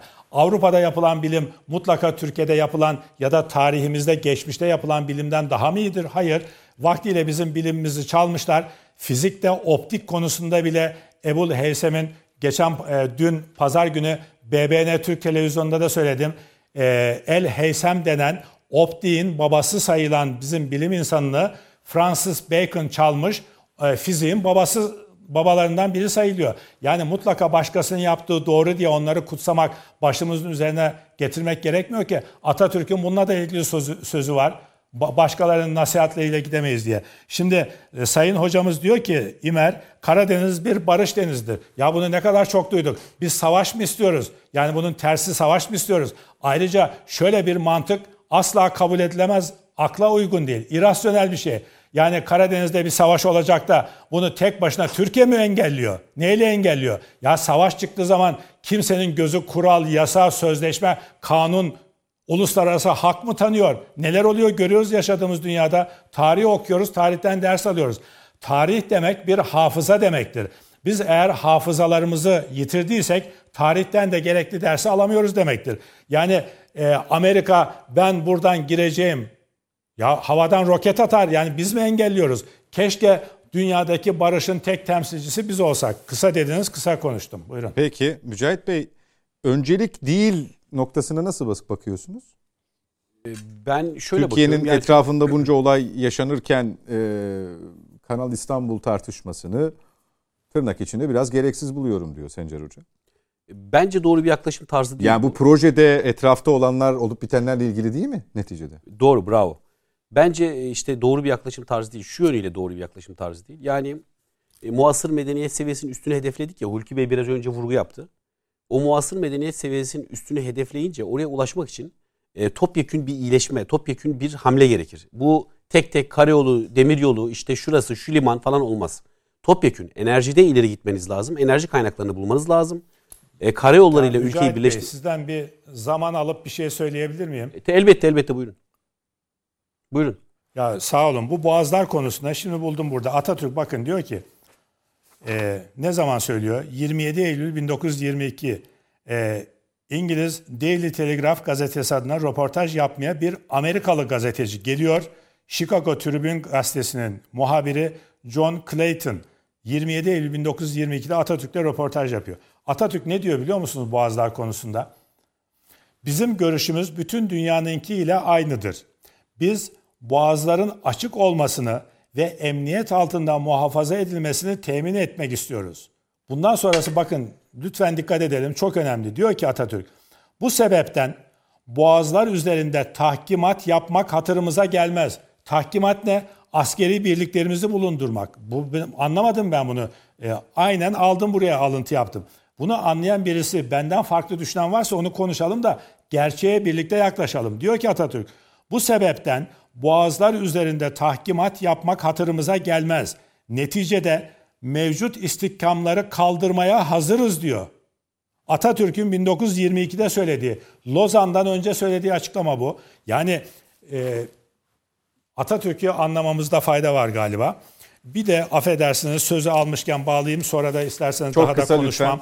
E, Atatürk'ün Kuvvetler Birliği konusunda sözünü bulacağım dedim ya buldum bakın diyor ki kuvvetlerin ayrımı düşüncesi esastan yoksundur. Yani temelden yoktur diyor. Kuvvetler ayrılığı esasını ortaya koymuş olan insanlar bile aslında kuvvetler birliğine inanmaktadırlar. Fakat kuvvetler birliğini sağlamaktan aciz oldukları için mevcut şekilleri esas kabul ederek dikkat edelim zorbalarla zulüm altındaki milletlerin yaptıkları pazarlık sonucunda zorbalarla zulüm altındaki milletlerin yaptıkları pazarlık sonucunda ortaya atılmış bir görüştür diyor kuvvetler ayrılığı. Yerden yere vuruyor Atatürk kuvvetler ayrılığını. Mücahit Ee, çok teşekkürler Mücahit Bey. Sürenizi Estağfurullah, bana estağfurullah. devrettiğiniz Hulki Bey, sağ olun. Ee, şimdi bu topyekün bir hamleyle olacaktır. Bunlar nedir mesela? Enerji bir. Enerjiyi, enerjiyi elde edeceksiniz veya enerji ithal edeceksiniz. Türkiye ne yapıyor? Enerjiyi elde etme çabası içerisinde. Karadeniz'de özellikle ve Akdeniz'de. Nelerle yapıyor bunu? Yerli üretim gemilerle yapıyor. Bu bir vizyondur. Yani o gemilerin e, o gemilerin üretilmesi bu e, enerji hadisesinin, enerji arama hadisesinin başıdır. Şimdi o gemileri üretmek için ne yapacaksınız? Yerli üretim sahalarına ihtiyacınız var. Yerli üretim teknolojisine ihtiyacınız var. Dolayısıyla yerli üretim bir başka başlık. E, dolayısıyla yerli üretimin transferi, bu üretilen malzemenin, e, maddenin transferi, materyalin transferi için ne lazım size? Yol. Yollar lazım değil mi? Hani o alay ettikleri, dal geçtikleri o geniş geniş büyük yollar var ya. Onun gibi yollar lazım. Veya hızlı trenler lazım, demir yolları lazım size. Bunun e, bunun yurt dışına gönderilmesi için neler lazım size? Havalimanları lazım. Limanlar lazım. Deniz yolları e, noktasında denizlerde limanlar lazım. E, dolayısıyla bunlar topyekün bir hadisedir. Şimdi e, bu meseleyi bu şekilde değerlendirince işte e, şöyle bir lüksümüz yok bizim. Hani kafa kaşırken yazı yazmamak gibi bir lüksümüz yok. İkisini bir arada yapmak durumundayız biz. Yani bu taraflarda atılım yaparken Kanal İstanbul'da yapacağız. O demir yolları da yapacağız. Gücümüz nispetinde yapacağız bunları elbette ama bu gücü e, orantılı bir şekilde, rentable bir şekilde kullanacağız. Artık devletler şu yola girmiyor. Bakın e, muhalefetin anlamadığı hallerden birisi de şu. Hani devlet cüzdanında işte şu kadar para biriktiriyor efendim. Vergilerle falan filan. Ondan sonra tak diye İzmir İstanbul otoyolunu yapıyor o parayı yatırarak. Artık bu hakikaten eskimiş bir yatırım tarzıdır. E, dolayısıyla bu şekilde olmuyor tabii bunlar. Yani Kanal İstanbul da bu şekilde olmayacak. Dolayısıyla e, Kanal İstanbul e, projesi e, çok e, lüzumlu projedir. Çok lüzumlu projedir. Yeni bir perspektif de değildir. Osmanlı döneminden bu yana düşünülmüş bir projedir. Kanal İstanbul projesi. Benzer bir proje düşünülmüştür. E, bu rasyonel yani aklın yolu birdir diye hadisesi var ya. Evet aklın yolu birdir yani. Orada bir kanala e, Boğaz'daki su yolunun güvenliği, Boğaz'daki su yolunun riskten arındırılması noktasında da o kanala ihtiyaç vardır. E, dolayısıyla e, bence benim kanaatim bakın bir iki husus projeyi ben çok önemsiyorum. Birincisi program e, arasında da konuştuk. Bu uzay projesi var ya. Hakikaten biraz önce beyan etti. Uzayda olmazsanız yok olacaksınız yani. Nettir bu. Çünkü e, büyük bir e, işte e, mücadele alanı yeryüzünden çıkmış artık uzaya intikal etmiş vaziyette. Orada da mesela Tuttunuz, önceliğimiz tuttunuz. değildir Bakın, mi diyeceğiz? Hayır olmaz işte. Tuttunuz tuttunuz. O dal geçtikleri şey var ya yakaladınız yakaladınız yakalamadınız. O sanayi devrimini geç yakaladık haline düşersiniz ondan sonra. Hani sanayi devrimi Avrupalılar o hali tamamladılar ya. Biz biraz geç kaldık ya onlara nispeten. Dolayısıyla o hale düşersiniz. Bakın o e, çok önemli bir vizyondur. İkincisi husus da benim kanaatime göre bu Kanal İstanbul projesi hakikaten hayati bir noktadır. E, Türkiye'nin e, beyan ettiğim gibi bakın Türkiye'nin Montreux dışında bir saha oluşturmaya çabası e, bence çok takdir edilesi bir durumdur. Türkiye'nin gücüyle de orantılıdır. Bakın Montreux dışında bir e, hat oluşturma noktasında e, bazı itirazlar karşılaşıyor mu Türkiye? Batı'dan bazı itirazlar yükseliyor mu? Evet. Peki onun içerideki korosu aynı şekilde itiraz ediyor mu? Tabii ki itiraz ediyor. Peki itirazlar temelli rasyonel mi? Hayır değil. Ya bilim adamları bu noktada araştırma yapmadı dediler ya. chat raporu, üstad chat raporu bakanlığın sayfasında onlarca bir bilim adamının oluşturduğu bakanlığın sayfasında yayınlanmış. Bak Alini Şu an ama Kanal bi- İstanbul biraz önce Gov.tr'de de var. Biraz önce söyledi ya bakın dedi ya işte kompleksliler bir. ikincisi menfaatçiler. Üçüncüsü de istemezükçüler. Bu koro tekrar hiçbir rasyonel temele dayanmayan itirazlarını serdede geliyor, serdetmeye devam ediyor. Yani ilk yaşadığımız bir hadise değil bu. İlk ya da yaşadığımız hadise olsa hakikaten biz de şaşıracağız. Diyeceğiz ki Allah Allah ya böyle bir projeye Neden itiraz edilir ki diyeceğiz. Ama ilk yaşanılan proje şey e, itiraz değil ki bu. Dolayısıyla bu itirazlarını temellendiremiyorlar. Temellendiremedikleri gibi bu itirazlar üzerinden daha önce yaptıkları gibi gezi sürecinde de yaptıkları gibi bu itirazlar üzerinden sürekli bir toplum kışkırtması yapıyorlar. Sürekli bir toplumsal hareket beklentileri var şu itirazlar üzerinden. İtirazları hem gerçekçi ve rasyonel değil, bilimsel değil. Biraz önce e, değerli hocalarımız... Dolayısıyla itiraz değil. Ya değil tabii yani. Ya depremi tetikler dediler ya. Bak dediler bunu hakikaten. Bu şaka değil bu ha. Depremi tetikler dediler. İstanbul Büyükşehir Belediye Başkanı Kanal İstanbul projesi depremi, depremi tetikler dedi. Bilimseldir bu itirazım dedi. E, bu hakikaten saçma sapan, iler tutar tarafı olmayan bir hadisedir. Peki. Çevre etki değerlendirmesi bellidir. Tabiatı etkisi değerlendirmesi, iklime etkisi değerlendirmesi bellidir. Yeter ki bilmek, öğrenmek istesinler. Girsinler sayfaya okusunlar. Peki Mete Erer bir beş dakikamız var araya. Ee, sen gerçi e, fazlasıyla hakkını Hulki Bey'e teslim etmiş oldun. Daimi konuklar olduğunuz için, Aynen, misafirlere aynen. Her öncelik zaman verdiniz. gelmiyorlar. Ev, ev sahibi olduğunuz Elbette. için. Ee, şimdi Vallahi ben de sevgili Mete Yarar'a CNN'de söz hakkımı bırakırım. orada Allah ödeşiriz diyorsun. Allah razı olsun. Peki. Çok teşekkür ederim. Ee, bu öncelik konusunda ne düşünüyorsun? Bir. İkincisi e, Türkiye mücadelesini her alanda çok yönlü sürdürüyor. Şimdi tabii ki özellikle pandemi sürecinde yayına hazırlanırken de konuşmuştuk seninle. Önceliklerimiz çok farklı. Ekonomi. Bu vatandaş açısından, esnaf açısından e, çok çok çok çok hiç daha önce tecrübe etmediğimiz e, bir süreçten geçiyoruz. E, bununla mücadeleyi elbette sürdüreceğiz. Elbette tedbirleri gözden geçireceğiz ama e, şu ana kadar konuştuklarımız ışığında makro projelerle de e, Türkiye'nin yarınını garanti altına alma, güvenlik, egemenlik noktasındaki adımları da arka taraflara bırakmama mecburiyetimiz var. Öyle değil mi? Ben biraz hani e, genel olarak şöyle açıklayayım. Yani burada üstadlar da var. Yani her proje feasible olmak diye bir kaidesi yoktur. Dünyanın her tarafında bu böyledir. Bazı Feasible olmak projeler durumunda değildir. değildir. Yani her zaman öyle değildir. Örnek vereyim. Ee, işte bir yere bir proje hayata geçirirsiniz ve o proje sizin için emniyet sağlar. Örnek veriyorum. Ee, mesela şöyle söyleyelim. Savunma sanayi feasible bir proje midir? Milyonlarca, milyarlarca para harcarsınız. Niçin? Yalnızca şey deprem e, gelmesini engellemek için. İtfaiyeye yatırım yaparsınız. Beklersiniz. Niye? Yalnızca yangın çıkmasını beklersiniz. Yangını söndürmek için. Bazı şeyler vardır ki hiçbir zaman e, yaptığınız yatırım size maddi olarak dönmez. Yüzde yüz dönmez. Yüzde yüz dönmez. Böyle bir kural yok. Benim itirazım şurada. Yani ben de aslında Sancar Hoca'ya biraz e, aynı tezi savunuyorum. E, öncelikle bu proje kalıcı bir proje. Yarın sabahleyin yıkacağımız bir proje değil. Bu proje yapıldığında hayata geçecek ve kalacak. Yani ben bundan vazgeçtim deyip yarı yolda döneceğiniz bir proje değil. Onu söyleyelim. Yani bu proje kalıcı bir proje. Kalıcı e, faktörleri olacağı için de bence doğru tartışılmalı. Yani bütün kesimlerin beraber kavga da ederek, bak açık net söylüyorum. Böyle kavga da ederek tartışması gereken bir yer. Ama anlamsız şeyler üzerinden değil. Montreux gibi e, Montreux konusu hiç alakası olmayan bir konuyu Tartışma açarak yokken değil. tartışma varmış gibi davranarak değil. Doğru tartışırsak ne olur biliyor musun? Hepimiz bilgileniriz. Defa toplum bilgilenir. İki, bu işin daha doğru yapılabilme metodolojisi de bulabiliriz. Bak bunu yapabiliriz. Üçüncüsü zamanlamasını doğru ayarlayabiliriz. Toplumsal olarak doğru ayarlayabiliriz. Dört, bence en önemlilerden bir tanesi. Eğer çok doğru proje ise ve bütün toplum arkasına durabilirse yabancı yatırımcının teşviki ve daha ucuza mal edilmesinin yöntemini de bulabiliriz. Sana şöyle söyleyeyim. Bu kadar kavga edilen bir ortamda ve yatırımcının tehdit edildiği bir ortamda sence e, kaç yatırımcı girer bu işe? Ve rekabet ortamı ne kadar oluşur? En basit soru. En basit soru soruyorum. Çokça. Yok. Şimdi diyor ya diyorlar ya buraya kim yatırım yaparsa geldiğimizde projeye el koyacağız. Girenleri cezalandıracağız Ha diyor o ya. açıdan. Evet. Şimdi böyle bir şey söylediğin andan itibaren yatırımcı sayısı azaltırsın. Yatırımcı sayısı azaldığında rekabetçi ortamı kaybedersin. Yani sonuçta en düşük verene yaptıracaksın değil mi bunu? Doğru mu söylüyorum? Belki toplumsal bir destek olacak Ve toplum diyecek ki kardeşim açın buna bir tane şey. Süveyş kanalı gibi bir e, şirket kurun. Biz de hissedar olalım. Biz de hissedar olalım.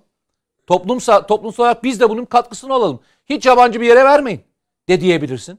Buraya da gidebilirsin. Şu anda bunların çok uzağındayız. Bakın bak bir kez daha söylüyorum.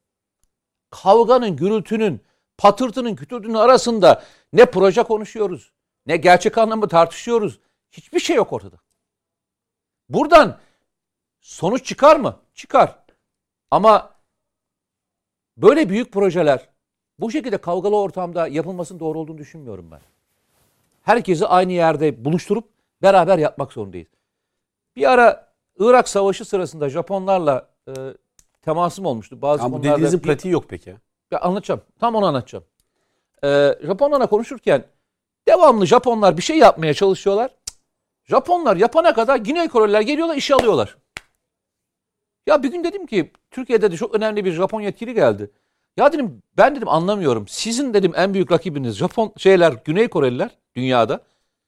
Her projenizde şeyler oluyor. Güney Koreli oluyor şeyde. Ve en çok parayı da bu arada Japonlar veriyor Irak'a şey olarak. Katkısız, karşılıksız para olarak. Dedim niye böyle çalışıyor? Dedi ki biz böyle çalışıyoruz. Ve çok ilginç bir örnek anlattı. Dedi ki bizim dedi çalışma şeklimiz şu şekildedir. Bizim dedi en fazla zamanımız projenin hesaplanması zamanıdır dedi. Yani biz projeyi çok detaylı çalışırız. Ama dedi e, şeyde çok az hata yaparız. Ama dedi siz dedi projeyi çok az çalışıyorsunuz. Şeyde çok hata yapıyorsunuz dedi. İleride çok hata yapıyorsunuz. Ben de bu ülkeyi seven bir insan olarak şunu söyleyebilirim. Yalnızca şunu söyleyebilirim. Gelin aynı e, 1919 örneğini verdiği için benim için çok değerli. Gelin hep beraber şu projeyi beraber çalışalım. Beraber Anlayalım, beraber anlatalım. anlayalım. Beraber anlamlandıralım. Beraber tartışalım ve ortaya çıkan sonuca sonucunda da hep beraber Peki. aldığımız karar arkasına duralım. Benim tek şey şu. Hiç tartışamadık. Bak bir kez daha söylüyorum. Bu kadar büyük bir projeyi bu kadar anlamsız kavgalarla hiç tartışamadık. Gelin tartışalım.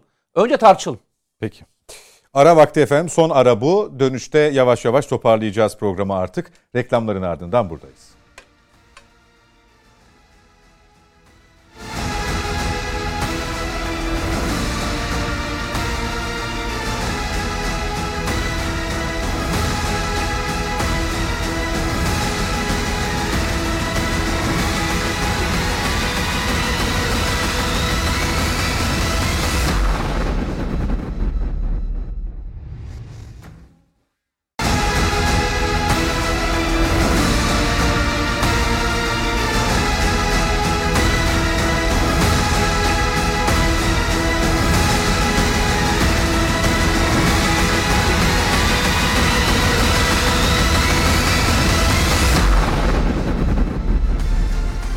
Yeniden birlikteyiz. Net bakışta son etaba girdik. Mete Yarar, Mücahit Birinci, Hulki Cevizoğlu ve Sencer İmer hocamla yavaş yavaş toplayacağız. e, Programı bitireceğiz efendim. Tabii e, Montreux e, çerçevesinde Kanal İstanbul'u konuştuk şu dakikaya kadar ama Sencer İmer hocamın da ısrarla altını çizdiği bir bölüm var.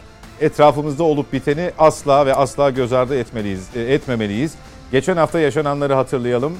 Ee, Yunanistan Dışişleri Bakanı'nın e, Ankara ziyareti, o ziyarette canlı basın toplantısı esnasında yaşanan provokasyon ki bugün Yunan basınında da yer aldığı Mitsotakis'in sufleyi verdiği bir kışkırtıcı açıklama yap şeklinde Yunanistan'da büyükçe e, yankı uyandıran e, bu açıklama aslında Dendias'ın da e, kendi başına bunu yapmadığı e, gerçeğini ortaya koydu. Ee, bir yanda hamle sahası haline dö- dönüşen Doğu Akdeniz aynı gün o temas gerçekleşirken Ankara'da o temas devam ederken Fransız-Yunan e, oyununun e, bizim gemimiz tarafından püskürtülerek bozulması da e, bu provokasyonun e, çok yönlü olarak gerçekleştiğini ortaya koydu Mete Yarar. E, şimdi Doğu Akdeniz'de gerçekleşti o. E, birkaç uyarı yapılıyor. Hürriyet gazetesinin manşetiydi. Yorgo Kırbaki'nin özel haberiydi bugün. E, o uyarıya aldırış etmiyor Fransız e, gemisi. E, ve sonrasında da e, sert bir şekilde yani bak- bakıyor ki e, bir kıta sahanlığı hadisemiz var malum. Orayı aşmak üzere bir gemimiz tarafından püskürtülüyor. Sonrasında yaşananlar İsrail-Yunanistan savunma anlaşması bir yandan Yunanistan'ın yine Suudi Arabistan'la dirsek temasına geçmesi olup biteni bize bir e, fotoğraf halinde sunuyor. Sen nasıl okuyorsun?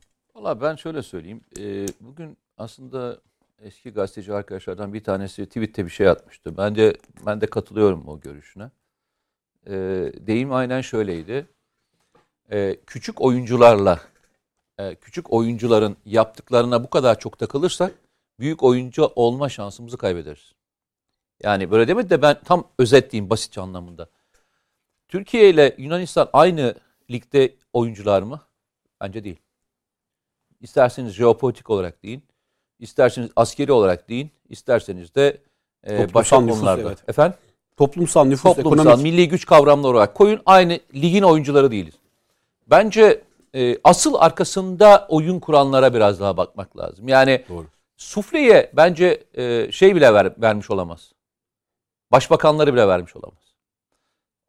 Bir bütün halinde piyon diyeceksek sufleyi kimin verdiği belli zaten. Başbakan başbakan bile yetmez. Çünkü e, tablo şöyle. e, çok uzun zamandan beri e, Yunanistan ta kuruluş tarihinden itibaren e, kurgusunu şunun üzerine yapmıştır. Osmanlı'yı yenemeyeceğini veya Türkiye yenemeyeceğini bildiği için devamlı güçlerle e, karşımıza gelmek istemiştir. Yıllardan beri hep böyledir. Yani e, o şeyin Yunanistan'ın kurulduğu tarihe bakın.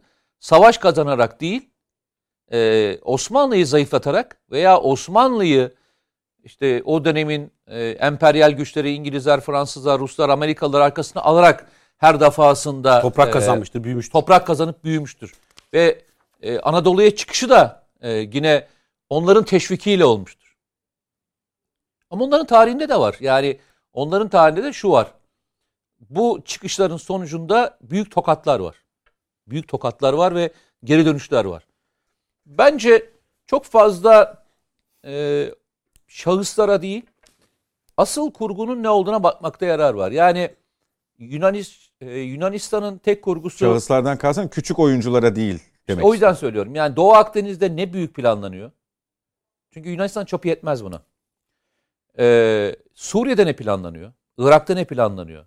Ukrayna'da ne planlanıyor? Bunların bu planların hiçbiri birbirinden bağımsız değil. Bir blok olarak bakıp bir blok olarak değerlendirip bunun içerisinde Türkiye nasıl kendisini pozisyonlarca tartışmak daha önemli. Yoksa Dışişleri Bakanı'nın gelip Türkiye'de söylediği sözün ne olacağını o gün de tartışırken söylemiştik. Demiştim ki ben arkadaşlar sordular işte bir televizyon kanalıydı yanlış hatırlamıyorsam ne diyorsun dediler. Dedim ki bu çıkışı tek başına al, almam ben dedim. Arkasından bir gelecektir bunun bir şeyi. Geldi. Çünkü o çıkışa eğer Türkiye geri adım atmış olsaydı veya doğru cevap vermemiş olsaydı başka bir yere Geldi götüreceklerdi. derken Fransız gemisini mi kastediyorsun? Tabii Fransız gemisi. Yani hepsi birbirinin üzerine kurgulanarak gidiyor. Ee, öyle tek başına e, algılamakta algılamayın ya ben öyle söyleyeyim. Ee, benim şu andaki ta- gördüğüm tablo askeri anlamda e, biraz e, Mithat hocam şey e, Sincar hocam şey de söyledi. E, şeyleri yaydı. Yani Türkiye'nin F-16'lar ve diğerleriyle ilgili. E, Türkiye'nin şu anda bir tek sıkıntısı var. E, kendisine ait olmayan projelerin geliştirilmesiyle ilgili duraksaması var. Yoksa e, bugün e, Skorsky'lerin motorları da Türkiye'de üretiliyor. Yedek parça da Türkiye'de üretiliyor. Ve oran %95'lere gelmiş durumda şu anda. Müthiş. E, bu şey içine geçiyor. F-16'ların motoru da Türkiye'de üretiliyor. E, F-16'ların ekipmanları da Türkiye'de üretiliyor. E, çok ufak tefek dediğimiz parçalar var. Yani Türkiye'nin hayati anlamda bir e, hava hava muharebesini engelleyecek bir durumda değil. Ama modernizasyonlarını engelliyorlar. Yani F-16'ya e, ilave edebileceğimiz, onları işte F, F, e, F-16 e, 70 diye söyleyebileceğimiz e, modernizasyon işini almıyor. Türkiye ne yaptı? Aynısını Aselsan'a ürettirdi. Aynı Kanada'nın bize satmadığı Mercekler. radarın aynısını da F-16 için şeyler satmadı bize. Amerikalılar Peki. satmadı. Mercekleri Toparlayalım. mi kastediyorsunuz? O Efendim, şey kameraları. mı? gerçekten bahsetmiyorum. Bu bölüm kısa çok Radar, toparlayalım. büyük bir radardan bahsediyorum. AESA diye radarımız var. O radar sana e, sahada büyük avantaj sağlıyor ve F-16'lar için onu şeye sattılar. Yunanistan'a sattılar. Aynısını Türkiye'de şey üretti. Aselsan üretti.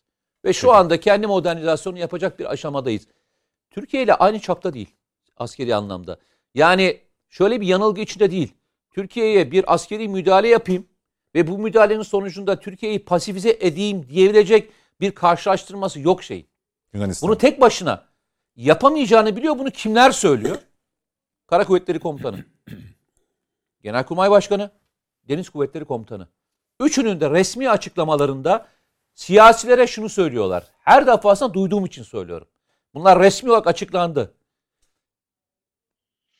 Yanılgıları yapmayın. Yani Türkiye'nin doğru gücünü yanlış hesaplayarak adım atmayın.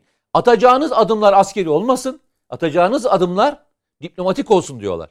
Çünkü kazanamayacağınız bir savaşın, askeri savaşın diplomatik sonuçları olamaz diyorlar. Peki. Yani ben o yüzden hani Sinca, e, Sancı Hoca hocamdan e, tek söyleyeceğim şey şu. Orada askeri anlamda denklemden çok diplomatik anlamda Türkiye'nin sıkıştırması üzerine kurgulanmış bir şey var. E, Yunanistan'ın politikası var. Geçmişte olduğu gibi. Sencer Hocam 3 dakika lütfen toparlıyoruz bu konuyla ilgili. Çok çok az kaldı. Ben e, Mete Bey'in söylediklerine gayet tabii e, inanmak istiyorum tamamıyla. Ama e, kara ve denizde bizimle boy ölçüşmesi mümkün değil. Hava kuvvetlerinde şu anda o boşluğu kullanarak bir üstünlük yakalayıp bize bir e, darbe vurma hesabına girebilir. E, bu bunun da önüne almak gerekiyor. Eyvallah İsra- hocam bu, İsra- konuda, bu konuda şeyim yok. hocam. İsrail'le anlaşmayı e, tarihinin İsrail en büyük de o. anlaşmalarından bir tanesi. Ben bir şey söyleyeyim mi? İs- Ee, İsrail en de büyük o, kazığı İsrail yediler. Hayatlarının en büyük kazığını yediler. Katil dronlar vesaireler vesaire Suudi Araplar, Birleşik Arap Emirlikleri yani e, bize göre daha modern olduğunu düşündüğü gelişmiş uçak sistemleriyle bizim tepemize binmek istiyorlar. Fakat bizim buna e, askeri olarak da cevap vermemiz lazım ve Rusya ile olan münasebetimizi de bu açıdan değerlendirdiğimde bunun iyi tutulması gerektiği kanaatindeyim ben. Onu da bozmak için her türlü teşebbüs şu anda yürütülüyor görebildiğim kadarıyla. Bunu da önlememiz lazım. Suriye'de de bir takım cesaretlenmeler olabilir. Yani orada da bir takım provokasyonlar olabilir. Irak'ta da olabilir.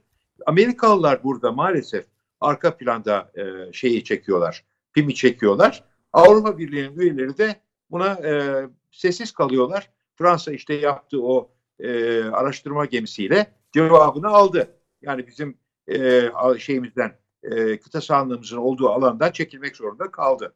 Ama bir provokasyondu. Ya sürekli deniyorlar. Yani sürekli kaşıyorlar. Sürekli provokasyon yapıyorlar. Ya Türkiye zor bir dönemde özellikle şimdi bizim ekonomik olarak bir sıkıntı içinde olduğumuzu düşünüyorlar. Döviz bulmakta zorlandığımızı düşünüyorlar. Pandemi meselesini düşünüyorlar. Yani fırsat bu fırsattır deyip bizim tepemize binmek istiyorlar. Peki. E, diplomasi de var gayet tabii bunun içinde. Yani zor bir dönemdeyiz. Onu söylemek istiyorum. Peki. Ama Dışişleri Bakanı çok güzel bir açıklama yaparak gereken cevabı vermiştir. Ee, bu konuda Mücahit Birinci sizin görüşlerinizi alayım. Sencer Hocam ısrarla Rusya ile münasebetin bozulma girişimlerine bu anlamdaki provokatif eylemlere mani olmamız gerektiğini düşünüyor. Ama biz Rusya ile çoğu yerde kazan kazan üzerine bir takım mutabakatlar yaptığımız gibi Suriye özelinde çokça da çatışıyoruz. Doğru. Ee, bunu muhafaza etmek belki o denklemde çokça güçleşiyor. Ee, sürdürülebilir buluyor musunuz? Eylem eylem gitmek lazım veya coğrafya coğrafya gitmek lazım bu, bu hadisede. E, rasyonelite bunu getirir. Dolayısıyla Türkiye Cumhuriyeti Devleti doktrini de o yöndedir. E, böyle e, sonsuza kadar bir kardeşlik, dostluk falan gibi değil. E, hadise hadise işte Libya hadisesi ayrı, Suriye'nin kuzeyi ayrı, e, Ukrayna'daki mesele ayrı, Ege'de ve Akdeniz'deki mesele ayrı değerlendirmektedir Türkiye Cumhuriyeti Devleti Rusya ile olan ilişkilerinde. Rusya da aynı şekilde mesela Azerbaycan'la meselesinde e, Türkiye-Rusya yakınlaşmasının e, sonuçlarını gördük açıkçası. Yani orada ciddi bir diplomatik, askeri hamle ötesinde bir de diplomatik hamlesi vardı Türkiye Cumhuriyeti Devleti'nin. E, dolayısıyla e, bu şuna değinmek istiyorum ben. Yani Yunanistan biraz önce Mete Bey'in çok isabetli bir şekilde ifade ettiği gibi Yunanistan'ın kendi haddi değildir bu.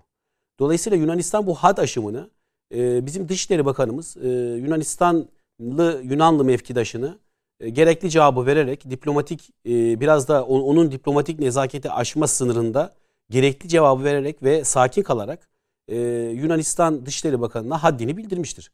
Dolayısıyla Yunanistan'ın bu tür şımarık çıkışlarını ilk defa görmüyoruz biz. Daha önce de Yunanistan'ın bu tür şımarık çıkışları vardı.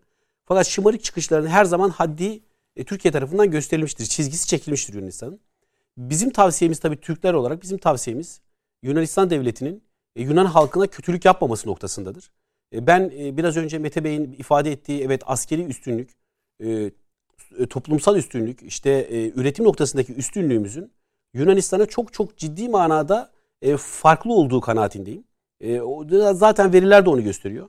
Hiçbir noktada Yunanistan'ın bizde mücadele etmesi askeri noktada söz konusu bile değildir. Zaten onlar da bunun farkındadırlar. Bu şımarıklık, kompleksli şımarıklıkların sebeplerinden birisi de budur aslında. Ama Türkiye bu soğukkanlılıkla Doğu Akdeniz'de de gerekeni yapmaktadır. Ee, Karadeniz'de de gereğini yapmaktadır. Suriye'nin kuzeyinde de çoklu sahada mücadeleye alışkın bir devlettir. Türkiye'nin tarihinden gelen e, bir tecrübedir bu. Çoklu sahada mücadele etmektedir ve bu sahala bu sahaların e, to, e, büyük kısmında ciddi başarılar elde etmektedir. Bakın Suriye'nin kuzeyinde o terör devletinin sona erdirilmesi akabinde e, çözülemez denilen Ermenistan işgalinin e, durdurulması, Ermenistan işgalinin o toprakların işgal ettiği topraklardan püskürtülmesi hadisesi. İşte şimdi Ukrayna meselesinde Türkiye'nin bir ağırlığı vardır. Rusya da bunu görmektedir. E, bunu şey değerlendirmek lazım yani Rusya ile ilişkileri evet çok önemlidir Türkiye-Rusya ilişkileri. Tarihi öneme sahiptir Türkiye-Rusya ilişkileri. Ve Türkiye-Amerika Birleşik Devletleri ilişkilerine benzemez. Rusya devasa bir komşunuzdur sizin. Her noktada istifade ettiğiniz e, ciddi ticari ilişkileriniz olduğu bir ülkedir Rusya aynı zamanda.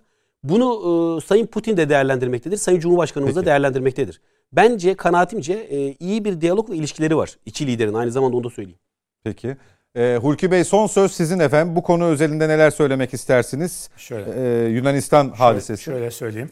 Şimdi Yunanistan ama asıl Rusya'ya geliyor tabii. Hı hı. Şimdi sürekli olarak Rusya ile aramızı açmak istiyorlar söylemi.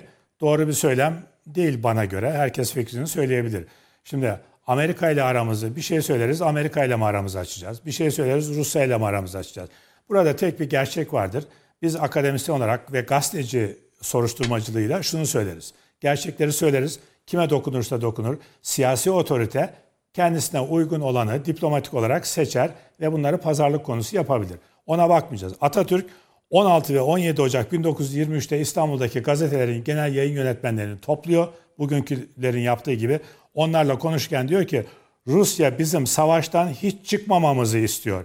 Biz e, orduları Meriç'e kadar götürmemiz gerekiyordu bizim. Hakikaten ordularımız harekatına devam etseydi hemen arkasından Karadeniz ve Akdeniz boğazlarını yani Çanakkale ve İstanbul boğazlarını diyor tutardı bizim ordumuz. Fakat bunları tuttuktan sonra karşı sahile geçmek de gerekecekti ki askerlik bakımından bundan hatalı bir şey yoktur. Ordunun güvenliği tehlikeye düşerdi kuvvetle yürümemiz gerektiğini söyleyenler Ruslardı diyor. Yani biz Rusların kapı bekçiliğini ya da Amerikalıların kapı bekçiliğini yapmayacağız. Bir de çok ilginç bir şey var. Sonuna geldik.